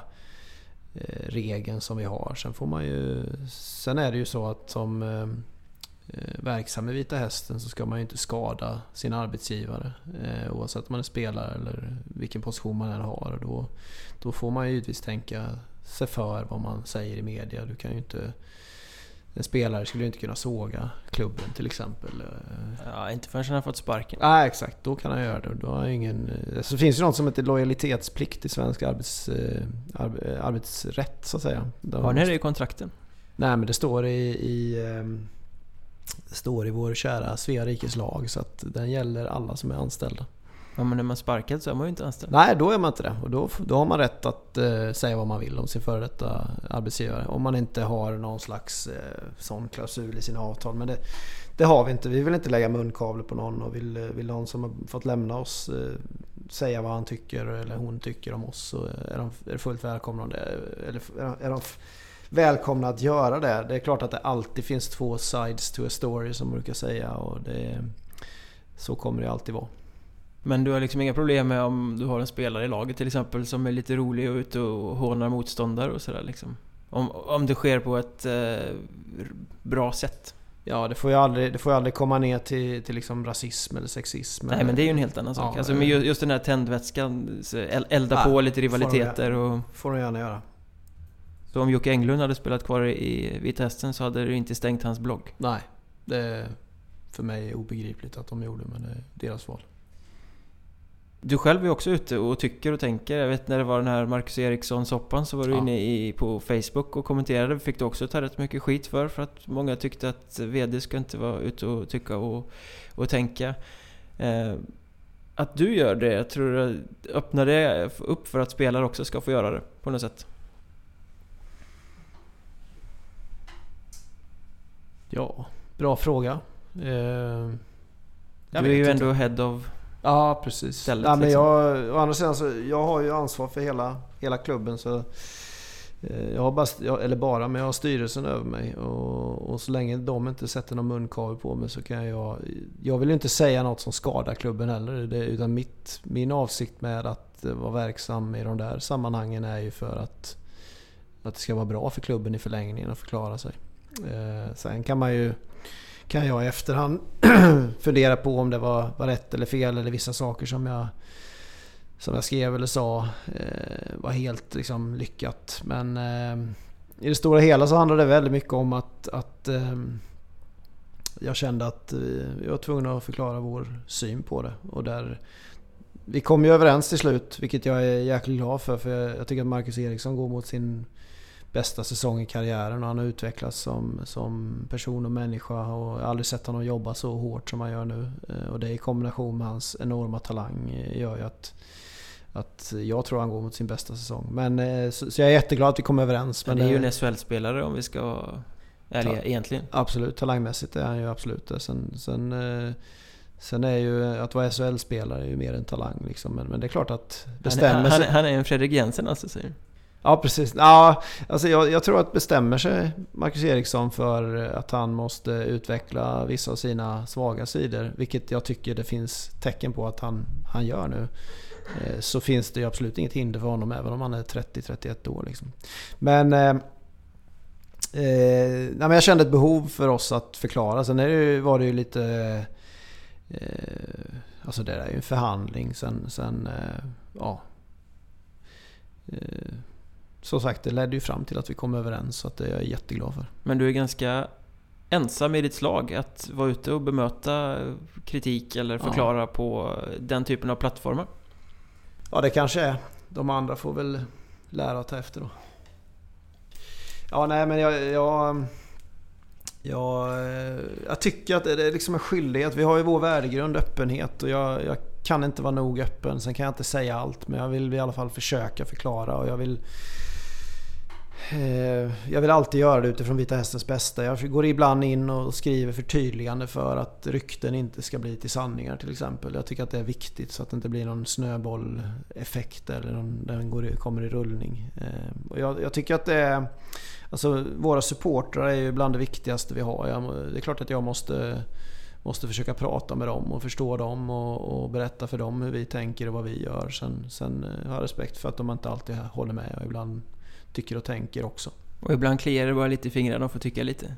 Ja, nej men jag tycker egentligen ingenting om, eh, om att supporterna tycker. De har en rättighet att tycka som supporter till, till en, eh, en fin hockeyklubb. Eh, och det är deras, eh, det är deras förbannade rätt att få göra det. Sen, sen eh, kan det ju alltid finnas tillfällen då man önskar att Eh, de kanske var lite mindre personliga eller, eller nyanserade. Men eh, människor i... Alltså det här är ju en bransch som, som är väldigt... Eh, där känslor är väldigt viktig. Och människor som agerar och uttalar sig i affekt. Eh, eh ja, eh, kanske ibland blir lite personliga och sådär. Och, och det är väl inget konstigt med det egentligen. Får du feedback från eh, andra aktörer i branschen så att säga? Eh, om vi bortser från supportrar och de som tycker och de du kanske diskuterar med. Men alltså feedback från människor runt omkring på att du är så pass mycket ute och bemöter och... Ja, de andra, vissa av de andra klubbdirektörerna tycker, tycker det är kul. Eh, Pikar mig lite för det men, eh, nej, men jag tycker att det finns andra, andra i, i framförallt hockeyallsvenskan som är väldigt duktiga på det. Joakim Tillgren har gett sig ut på banan nu och... Ja, Tillgren kör hårt. Jag tycker Andreas Klingberg i Almtuna är duktig på det. Fredrik Åkerblom som var i Björklöven innan var, var, var bra på det också. Eh, så att, och Kent inte minst. Eh, en citatmaskin liksom. Så att det, det, finns de som är bra på det. Men eh, den feedback man får som jag tycker också är ganska värdefull och som jag tar åt mig väldigt mycket av. Det är ju när man tar ett tufft beslut eller något liknande och man får ett mail från, från en kollega i ligan som säger att eh, ja, bra jobbat, jag vet vad du går igenom, kämpa på liksom. Eh, det betyder oerhört mycket och det, det kommer. Det kom när, när vi hade senaste händelsen med tränarna. Och eh, det har kommit tidigare också. Jag försöker också också vara en sån som ger, ger såna, sån feedback till mina, mina kollegor. För jag vet att man är ganska, man är ganska ensam liksom i, i, i det där. Och, och, det är skönt att veta att någon som är i samma situation, vad de tycker och tänker om det man gör. Är ni en tajt liten klick? Klubbdirektör? Ja, vi har, nu har det, som du var inne på så har jag varit med ganska länge då. Ja, du är gamla farbrorn ja, i sällskapet. Ja, nästan. Trots att det var tredje året för oss i Allsvenskan. Men, men, nej, men jag har god relation, en väldigt nära relation med några av klubbdirektörerna i de andra klubbarna. Och väldigt, väldigt um, öppen dialog och eh, människor som, eh, som man trivs med. Sen finns det givetvis klubbar och klubbdirektörer som jag inte alls har lika mycket kontakt med. Men vi träffas ju några gånger per år och, och eh, utbyter erfarenheter och, och, eh, det är viktigt. Och det, jag kan väl säga att det, det är mer än en gång i veckan som jag pratar, eh, pratar med andra klubbdirektörer om, om ja, för att få tips och idéer eller stöttning eller vad det nu kan vara. Så det, det är väldigt värdefullt. Apropå andra klubbdirektörer så finns det ju en väldigt het potatis som ligger här ute på E4 någonstans och glöder och det är ju samarbete Vita Hästen, Linköping. Eh, för alla som inte bor i de här två städerna så tycks det ju som en no-brainer att ett i Allsvenskan, ett i SHL, de måste ju samarbeta mm. jättemycket samtidigt som det här kan tyckas helt otänkbart. Eh, hur eh, svårhanterbar är den? För jag kan säga att för dig hade det ju varit drömmen att kunna jobba tätare med dem. Du som eh. dessutom har en bakgrund i båda klubbarna. ja, nej jag vet inte om det är drömmen. Jag tycker inte potatisen är så het. Den har väl svalnat där ute på E4 då. Men, men eh, nej, jag, jag, tycker vi har ett bra samarbete med Örebro. Eh, det fun funkar jättebra. Sen är det lite längre geografiskt till Örebro. Men det finns en historik mellan Linköping och Vita Hästen och Norrköping och Linköping för den delen. Och det är två, det är två tillstäder som är väldigt olika. Jag bor ju själv i Linköping men har bott i Norrköping. Jag är verksam i Norrköping. Jag är, jag är lite så här eh, kommer ju utifrån så jag ser det kanske på med lite andra ögon. Men det är ju en, eh, finns ju alltid en konkurrens där så att säga. Eller en, en situation som kan vara lite spänd. Och just hockeyklubbarna emellan så finns det ju en historik från framförallt 90, 90-talet när, när LOC gick om Vita Hästen rent seriemässigt och sådär. Och gamla Vita Hästen gick i konkurs och så. Men eh, nej, så rent sportsligt på A-lagsnivå så, så tror jag aldrig det kommer bli aktuellt med, med ett utbyte i någon, någon större omfattning. Kanske någon enstaka spelare någon gång. Men det, det är lite för känsligt och det är för många eh, värden involverat i en sån sak för att det ska vara värt att liksom hantera för, för eh, klubbledningar och så vidare. Däremot så jag känner ju Anders Mäki, Fredrik Envall och kompani personligen eftersom jag har spelat med dem. Och likadant när Mike Hellberg var klubbdirektör så jag har ju kontakt med dem och vi utbyter erfarenheter och, och sådär också. Och Niklas har ju också ett förflutet där så han känner ju dem, dem också. Eh, jag lunchade med Anders Mäki för, senast för en och en halv månad sedan och vi hade ett bra snack. Och vi är väl rätt överens om att utbytet mellan våra klubbar är, är inte sportsligt på A-lagsnivå utan det kan vara på andra, andra plan. Jag, till exempel när Mike var klubbdirektör så fick jag stöd av honom i, i, ehm, i, i till exempel eh, ja, Svanberg-frågan, vet jag.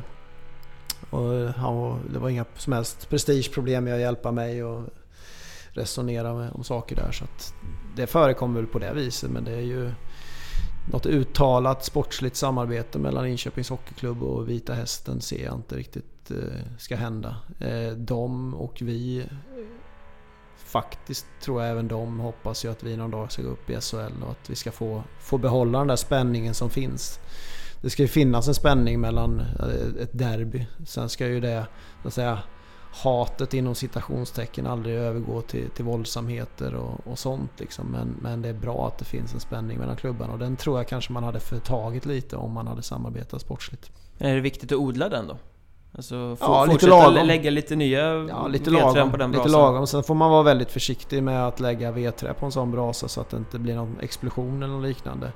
Och vi hade ju, det var till och med när jag spelade tror jag, när vi mötte LHC i någon sån här julmatch. Ja, slaget om Östergötland ja, eller vad de kallar det. Och det blev ju lite gurgel på läktaren och sådär och det är ju inte så jäkla kul. Eh, det vill man ju inte ha. Men, men däremot Alltså derbymatcher är bland det bästa som finns i, i idrotten. Eh, rent stämningsmässigt och, och närmässigt. Och det är ju också rent affärsmässigt väldigt lönsamt ofta för att folk vill ju gå och se på det från första början? Hade du svårt att komma in här med tanke på bakgrunden i... Du var ändå en ganska stor del av Linköpings... när de blev något så att säga, när de tog sig det där sista klivet upp i, i finrummet. Nej men det är väl klart att eh, den, eh, den som var mest tveksam från början var ju Uffa Eklöv. Eh, Materialen? Ja precis. Kommer det slaka spelare här tyckte han.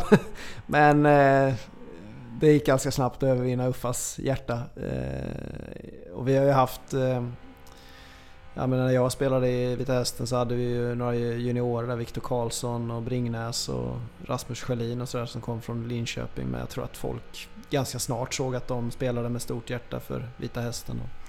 Jag har aldrig upplevt det. Sen är det klart att någon gång har man fått någon, någon eh, kommentar liksom att ja men du har ju, är inte du LOC lakej ungefär och sådär. Men eh, nej, det, det, är väldigt lite. Jag tror att jag har bevisat att jag eh, Jag, jag tillhör Vita Hästen och jag jobbar för Vita Hästens bästa. Det... Men det kan ju inte vara en lögn att säga att när det är fullsatt här i Himmelstalundshallen så har du lite mer LHC i ditt hjärta än alla andra som sitter där inne. Ja, men Eller det var som majoriteten jag, i alla fall. Ja, men det var som jag sa innan att i, i, varje klubb som jag har spelat i så har jag väl lämnat en del av eh, har man lämnat en del av sitt hjärta så är det ju liksom. Jag hade fem bra år i Linköping sen. Eh, men, men det var då.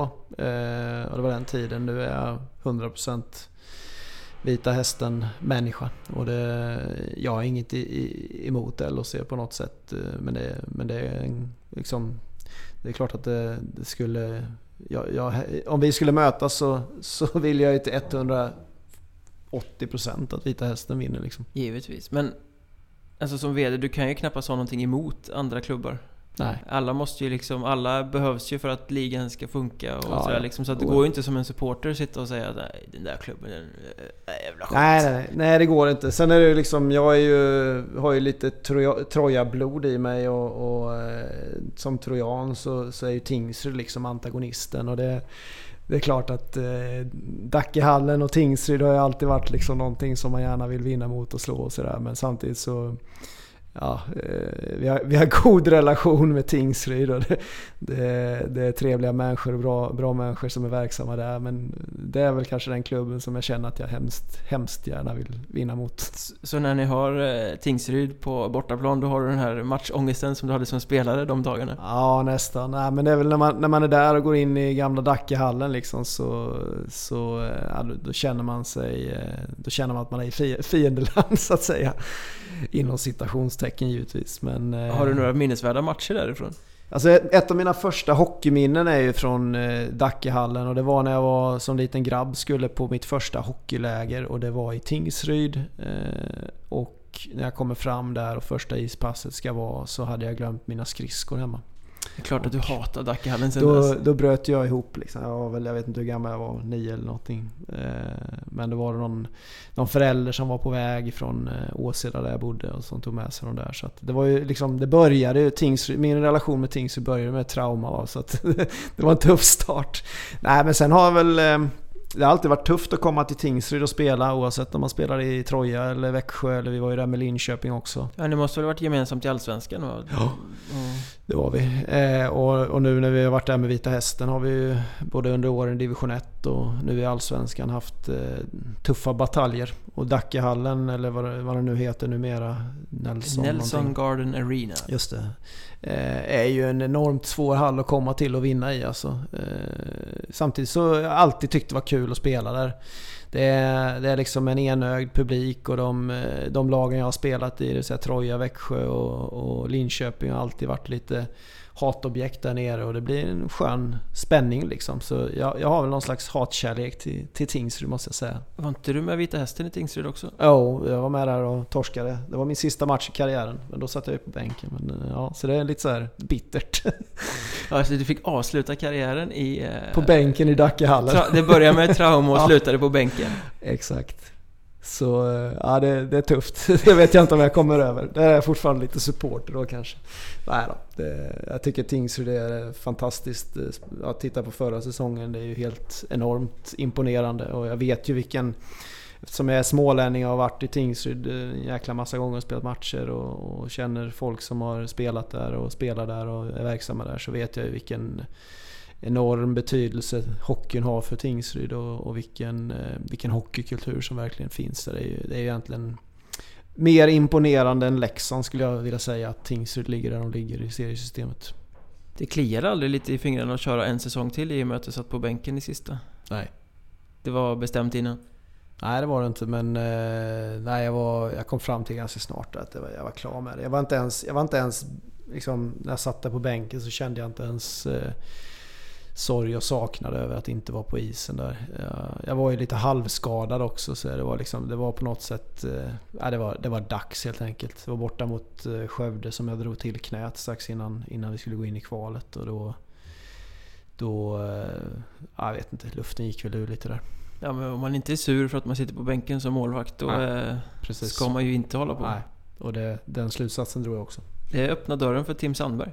Ja men det var kul. Jag lyssnade förresten på hans podd där. Det var väldigt fina ord han hade att säga om mig. Så det får jag väl, får väl säga tillbaks då att... Eh, eh jag hade... Jag hade hela min karriär haft jävligt svårt för att eh, bli bortpetad eller inte få spela. Men ju längre den säsongen gick desto...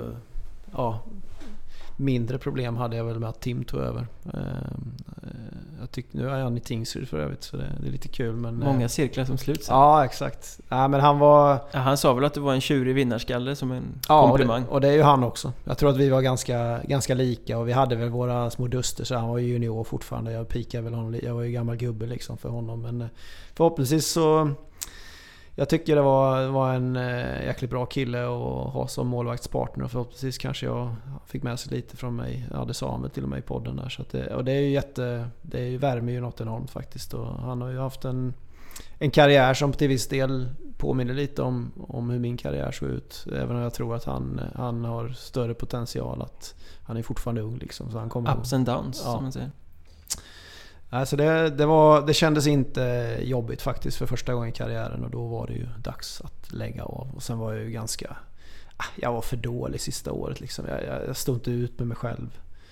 Eh, jag var stundtals var jag fortfarande bra men när man vet vilken nivå man kunde hålla tidigare och, och kanske till och med hade kunnat hålla ett par år till om man inte hade jobbat 100% vid sidan av och sådär. Och, och, eh, så kanske jag hade fortsatt då. Eh, men eh, det kändes rätt bra att lägga av då. Ja, och med tanke på att vi har pratat om kritik också så var du väl nedskriven den säsongen med tanke på att folk mindes hur bra du hade varit och sen var du inte riktigt där. Jag vet, jag minns faktiskt inte. Det var väl Falander då som var igång med sin blogg som kanske skrev ner Han skrev väl ner alla? ja, i och för sig. Fantastisk blogg. Ja, det var kul. Det var kul. Det var lite, lite krig där. Men det, ja, det, jag har garvat åt i efterhand, så här, Falander och, och jag. Men ehm, eh, ja, nej, det, det, det, kanske var nedskriven, det minns jag faktiskt inte. Men nej, jag var själv väldigt missnöjd med, med jag gjorde några riktigt jäkla bra matcher det året. Och statistiskt sett såg det väl okej okay ut. Men, men eh, nej, jag kände själv att fan, jag håller inte tillräckligt hög nivå. Lägg av nu, syssla med något annat istället. Du hade 2,54 i eh, insläppta mål per match, en räddningsprocent på 91,4. Det är väl rätt skapligt? På 27 matcher. Det är acceptabelt. Men jag var, jag var ju, sista åren i karriären så var jag ändå... Jag var ganska bra i, i kval. Ehm, med Växjö till exempel gick det jäkligt bra i kvalet. Och både, både upp till Allsvenskan och sen året efter när vi mötte Sundsvall och Skellefteå. Så att jag var nog... Jag blev det på sena, sista åren liksom. Så här, ja, när det väl gällde så, så kunde jag tända till. Men så där som det blir när man blir äldre. Ja, det, det, det, är svårt att motivera sig för novemberlunk när man vet att det inte... Ja, det spelar ingen roll förrän senare liksom. Ja, men sen, sen liksom, när man spelade en kval när man var yngre så kunde man vara så förbannat nervös. Men jag minns... Vi mötte ju Sundsvall med Växjö i playoff 1 och vi, vi gick till sadden uppe i Sundsvall. Det stod 2-2 tror jag. De hade ett bra lag på den tiden med bröderna Romö och sådär. Och jag bara kände att ja, men här, jag kommer inte släppa in ett enda mål. Så gör, min, gör vi mål så vinner vi. Liksom. Det är stängt här liksom. Och eh, det var det. Och så vann vi efter eh, ja, i andra övertidsperioden och sånt där. Eh, och, och den känslan tror jag man får först när man har lite rutin. Liksom. Det tar ett tag att lära sig. Ja det gör det. Och liksom uppskatta det där med, med eh, vad, vad sadden i ett playoff innebär. Det är det bästa som finns. Jag tänker backa bandet ganska mycket till, eh, för du sa för en stund sedan att eh, det aldrig kommer bli något sportsligt samarbete med Linköping. Eh, mm. Men just det här med sportsliga biten. Du mm. var sportsligt ansvarig ett tag också i en övergångsperiod. Och nu är det bara VD. Hur mycket kliar det i fingrarna där och vara inblandad i det, det sportsliga? Alltså, Inte inte, just vad gäller värvningar kanske, men det med att ta fram samarbeten och allting. Ja, när det kommer till samarbete och samarbete med Örebro så var det jag som, som var med. Men då var jag kanske sportchef i och för sig. Men, men, eh, nej, det kliar inte så mycket. Jag får vara med tillräckligt mycket. Jag är med som ett bollplank när vi värvar spelare och det är jag som eh, förhandlar och skriver kontrakten eftersom jag har förhandlingsvana mycket mer än vad Niklas har. Sen eh, är jag inte det minsta intresserad av att vara sportchef till exempel. Men om han kommer med en spelare och säger den här vill jag ha, då litar du 110% på honom? Det är inte så att du har en så här, nej jag tycker vi ska ta den här istället? Nej, men det är klart att jag ställer kontrollfrågor och framförallt eh, ur ett ekonomiskt perspektiv. Vad kostar? Det är första frågan jag ställer.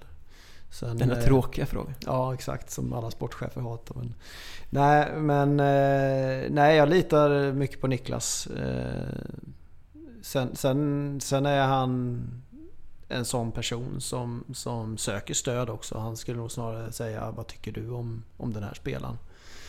Eh, och jag har ju under de det ett och ett halvt åren som han har varit sportchef så har jag fortfarande Ja, men jag har ju kontakter runt om i Hockeysverige både med, med agenter men med andra spelare eller andra klubbar och sådär. Så att jag, ibland är det jag som, som gör, tar referenstagning för att det kanske är en kompis till mig som sitter på en position och klubb som känner till en, en spelare väldigt väl eller, eller något liknande. Och det är ju liksom det hjälper jag gärna, gärna till med och där måste vi ju som liten klubb hjälpas åt. Men jag har ingen Inget jätteintresse av att vara sportchef eller inget alls egentligen. Min, eh, min drivkraft i det här är, är en rent, eh, rent liksom affärsmässiga. I, Siffror helt enkelt. Ja men att få, att få affärsmodellen eller affären Vita Hästen att gå ihop. Sen är, vet jag att det sportsliga har ju enorm eh, påverkan på det. Eh, och jag vill ju... Jag är ju... Eller vi har varit väldigt överens om att vi skulle lägga om spelsättet i år till att vara mer, mer, liksom, mer skridskor och mer frejdigt och så vidare. Ja, ni var tråkiga förra året helt Ja, enkelt. och det säljer ju inte. Och det är inte så Vita Hästen ska spela. Vi var tvungna att spela så första året i Allsvenskan. Eh, för då hade vi liksom spelarmaterial. Vi mötte ju så bra lag och alla satsade sig in i helskotta. Vi hade ju aldrig kunnat slå Malmö här hemma i premiären utan att spela så. Liksom. Men nu känner vi att vi har kommit så pass långt att vi ska kunna spela riktig Vita Hästen-hockey igen. Sen hade jag, liksom, om man ska, ska vara inne och peta eller tycka om, om spelet hittills, så ja, men lite mer fysik hade jag velat se. Men jag tycker att passningstempo och spelvändningar och, och farten har varit, varit bra. Jag tycker, vi spelar, jag tycker vi spelar underhållande hockey och rolig hockey. Och jag, jag tror att eh, Norrköpingspubliken kommer, kommer komma tillbaka och uppskatta det. Om man ska vara krass så tror jag faktiskt att eh, det är nog skitsamma vilken klubb man går till. Att publiken skiter fullständigt i om du kommer femma eller åtta. Så länge produkten är underhållande. Ja, sen är det klart att eh, någon kanske tycker att det, just i vår serie spelar det inte stor roll om det kommer fem eller åtta, tycker inte jag heller. Men, men eh, du får nog mer hemmamatch som femma i kvalet då. Men, men eh, Men så tänker ju inte supportrar. Det, Nej, det, nej, liksom, klart det ska ska vara kul och vi ska vinna. Det är jag det jag går tror, och tittar på. jag tror att ja, man, man vill att laget ska vinna, man vill att det ska vara underhållande. Men framför allt så tror jag att man vill som supporter eller betalande publik se att spelarna nere på isen kämpar. Och visa det kroppsspråksmässigt att eh, jag har respekt för att vi har 2000, 3000, 4000 i publiken som är här för att titta på oss och heja på oss. Vi ger inte upp, vi hänger inte med huvudet utan vi, vi spelar energirikt. Liksom. Just den, där, den signalen tycker jag är viktig. Och där var vi inte riktigt förra året för att vårt spelsätt gjorde att vi själva tappade energi. Och då ser det ut som man inte kämpar. Det är lojt liksom. Ja, och det är ju livsfarligt för då sitter... Till och med jag kunde sitta på läktaren och, och liksom vad fan kämpar vi inte för? Men jag vet ju att det berodde på, på att vi spelade på det viset. Men man hörde ju folk runt omkring också. Och det, det, tyck, det tycker jag är en jätteviktig aspekt. Du ska, du ska gå från en hockeymatch eh, Oavsett resultatet för ditt favoritlag ska du känna liksom att fan vad vilken... Ja, det, var, det var spänning, det var kamp, det var, de kämpade ända in i slutet. Det var en bra match, de torskade men jäklar vad bra kämpat. Jag, jag kommer tillbaka och kollar nästa match. Är publiken här eh, blodtörstigare än på andra ställen? Något skulle jag säga. De uppskattar eh, tacklingar, de uppskattar fysiskt spel, de uppskattar framförallt spelare som kämpar. Och det, det, det älskar jag med Norrköping och Himmelstalundshallen och Vita Hästen supportrar. Att, att de uppskattar. Jag tycker, jag brukar faktiskt säga att Norrköping är Östergötlands Småland. För att i Småland så uppskattar vi liksom, eh, ja, men vi är ju bönder med, med steniga åkrar liksom och det finns inga genvägar. Vi bara tittar titta på Gnosjöandan och sådär. Och företagandet i Småland är ju blomstrande för att alla är så jäkla gnetiga och kämpar. Så att jag är uppväxt med det där liksom. Eh, och där tycker jag Norrköping är som Småland. Att man, man kämpar. Det har varit en stad som haft det tufft genom åren. Och, det, det, är ingen tillfällighet att både vi och IFK Norrköping har i vår värdegrund ordet kamp. Utan det beror väldigt mycket på att den här stan vill se kamp och uppskatta kamp. Och de, de, det, det kanske inte alltid ska vara skönspel utan det ska vara mer kämpas det så är det bra. Och det gillar jag. Ja, det är inte nödvändigtvis de flashigaste lirarna som blir publikfavoriter där. Om man, om man, tittar tillbaka genom, genom historieböckerna så att säga. Ja men så är det. Och liksom det här det, som gammal målvakt och hockeyspelare så kan jag uppskatta att en publik jublar rätt mycket över ett täckt skott som, som man gör här i Himmelstalundshallen. Eh, det är ju det tycker jag hedrar publiken här. Det visar att de faktiskt eh, förstår att det sådana saker är viktiga moment i hockey. Sen är det klart att det här klapp-klapp-spelet och pucken in i öppet mål är ju fantastiskt roligt. Men vi har ju sådana spelare också. Vilken eh, spelare tycker du är den största profilen som har varit här under den tiden som du har varit i föreningen? Och då får du räkna med åren både som VD och som spelare då. Största profilen? Ja, det behöver inte vara den skickligaste spelaren utan största ja. profilen, sån här eh, utmärkande. Ja, det var, det var en jäkla svår fråga men eh, alltså jag har ju ändå... Alltså Marcus Eriksson är ju ändå en profil och jag... Eh, han, han är en ganska speciell person också. Eh, inte så liksom utåtagerande som... Vi, vi är väldigt olika men jag minns att spela med honom tyckte jag väldigt, jag tyckte väldigt mycket om det jag var ganska hård mot honom som, som medspelare och, och sådär. Men jag vet att han ställer enorma krav på sig själv också. Men det är klart att alltså hans, när Marcus Eriksson är som bäst så är ju, är ju han helt fantastisk att se på. Det är en jätte, jätteduktig hockeyspelare. Eh, och det han kan göra med en klubba med den där långa jäkla stören är ju liksom Tallen liksom. helt enormt. Ja, exakt. Så att det är klart att det är ju en karaktär eller en spelare som, som jag måste ändå säga är är det bästa. Men sen, sen kan jag ju, jag älskade ju Jeff Jacobs liksom. och det är också en sån där värvning som vi, ja, vi tog in honom för att vi visste att det var en, en karaktär. Han var ingen eh, jätteskicklig hockeyspelare men, men eh, han insåg sina begränsningar och han, gjorde, han spelade de få byten han skulle och han gjorde det med det största hjärtat jag varit med om. Liksom. Och vi har faktiskt fortfarande lite kontakt. Han är ju tränare i Borlänge. Och det, ja, det, jag tycker, han var bara här en säsong men han är ju han på något sätt eh, passade så jäkla bra in i, i Vita Hästen. Han var världens lyckligaste avbytare. Ja, det var han. Och det, det kan jag också uppskatta. Liksom, att han insåg sina begränsningar. Han insåg att han aldrig skulle bli någon, någon stjärna som, som sin bror till exempel. Eh, Jens Jakobs. Liksom. Det är jäkla skillnad. Men, men eh, han insåg sina begränsningar, han insåg sin roll. Och han eh, är ju dessutom en väldigt trevlig människa. Liksom, med, med, med ja, sympatisk. Liksom. Så det, det, är väl en karaktär, men kanske lite oväntad sådär.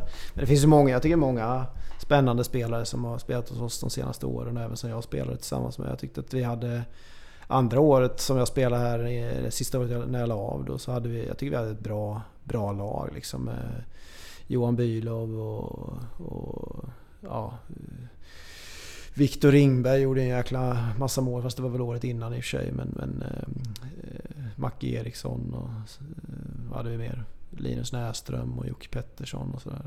Ja. Eh, sköna gubbar. Jag eh, intervjuade Jeff Jacobs till podden.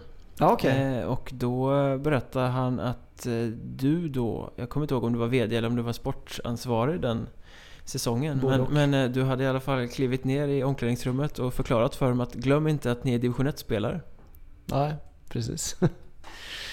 Nej men det tyckte jag vi hade problem med tidigare. Att, eh, det snackades så mycket om allsvenskt avancemang och att vi hade bästa laget i division 1 och sådär. Så att, eh, eh, det finns en anledning till varför en spelare inte spelar på högre nivå än de gör. Och den anledningen är ofta att man inte är en bättre hockeyspelare.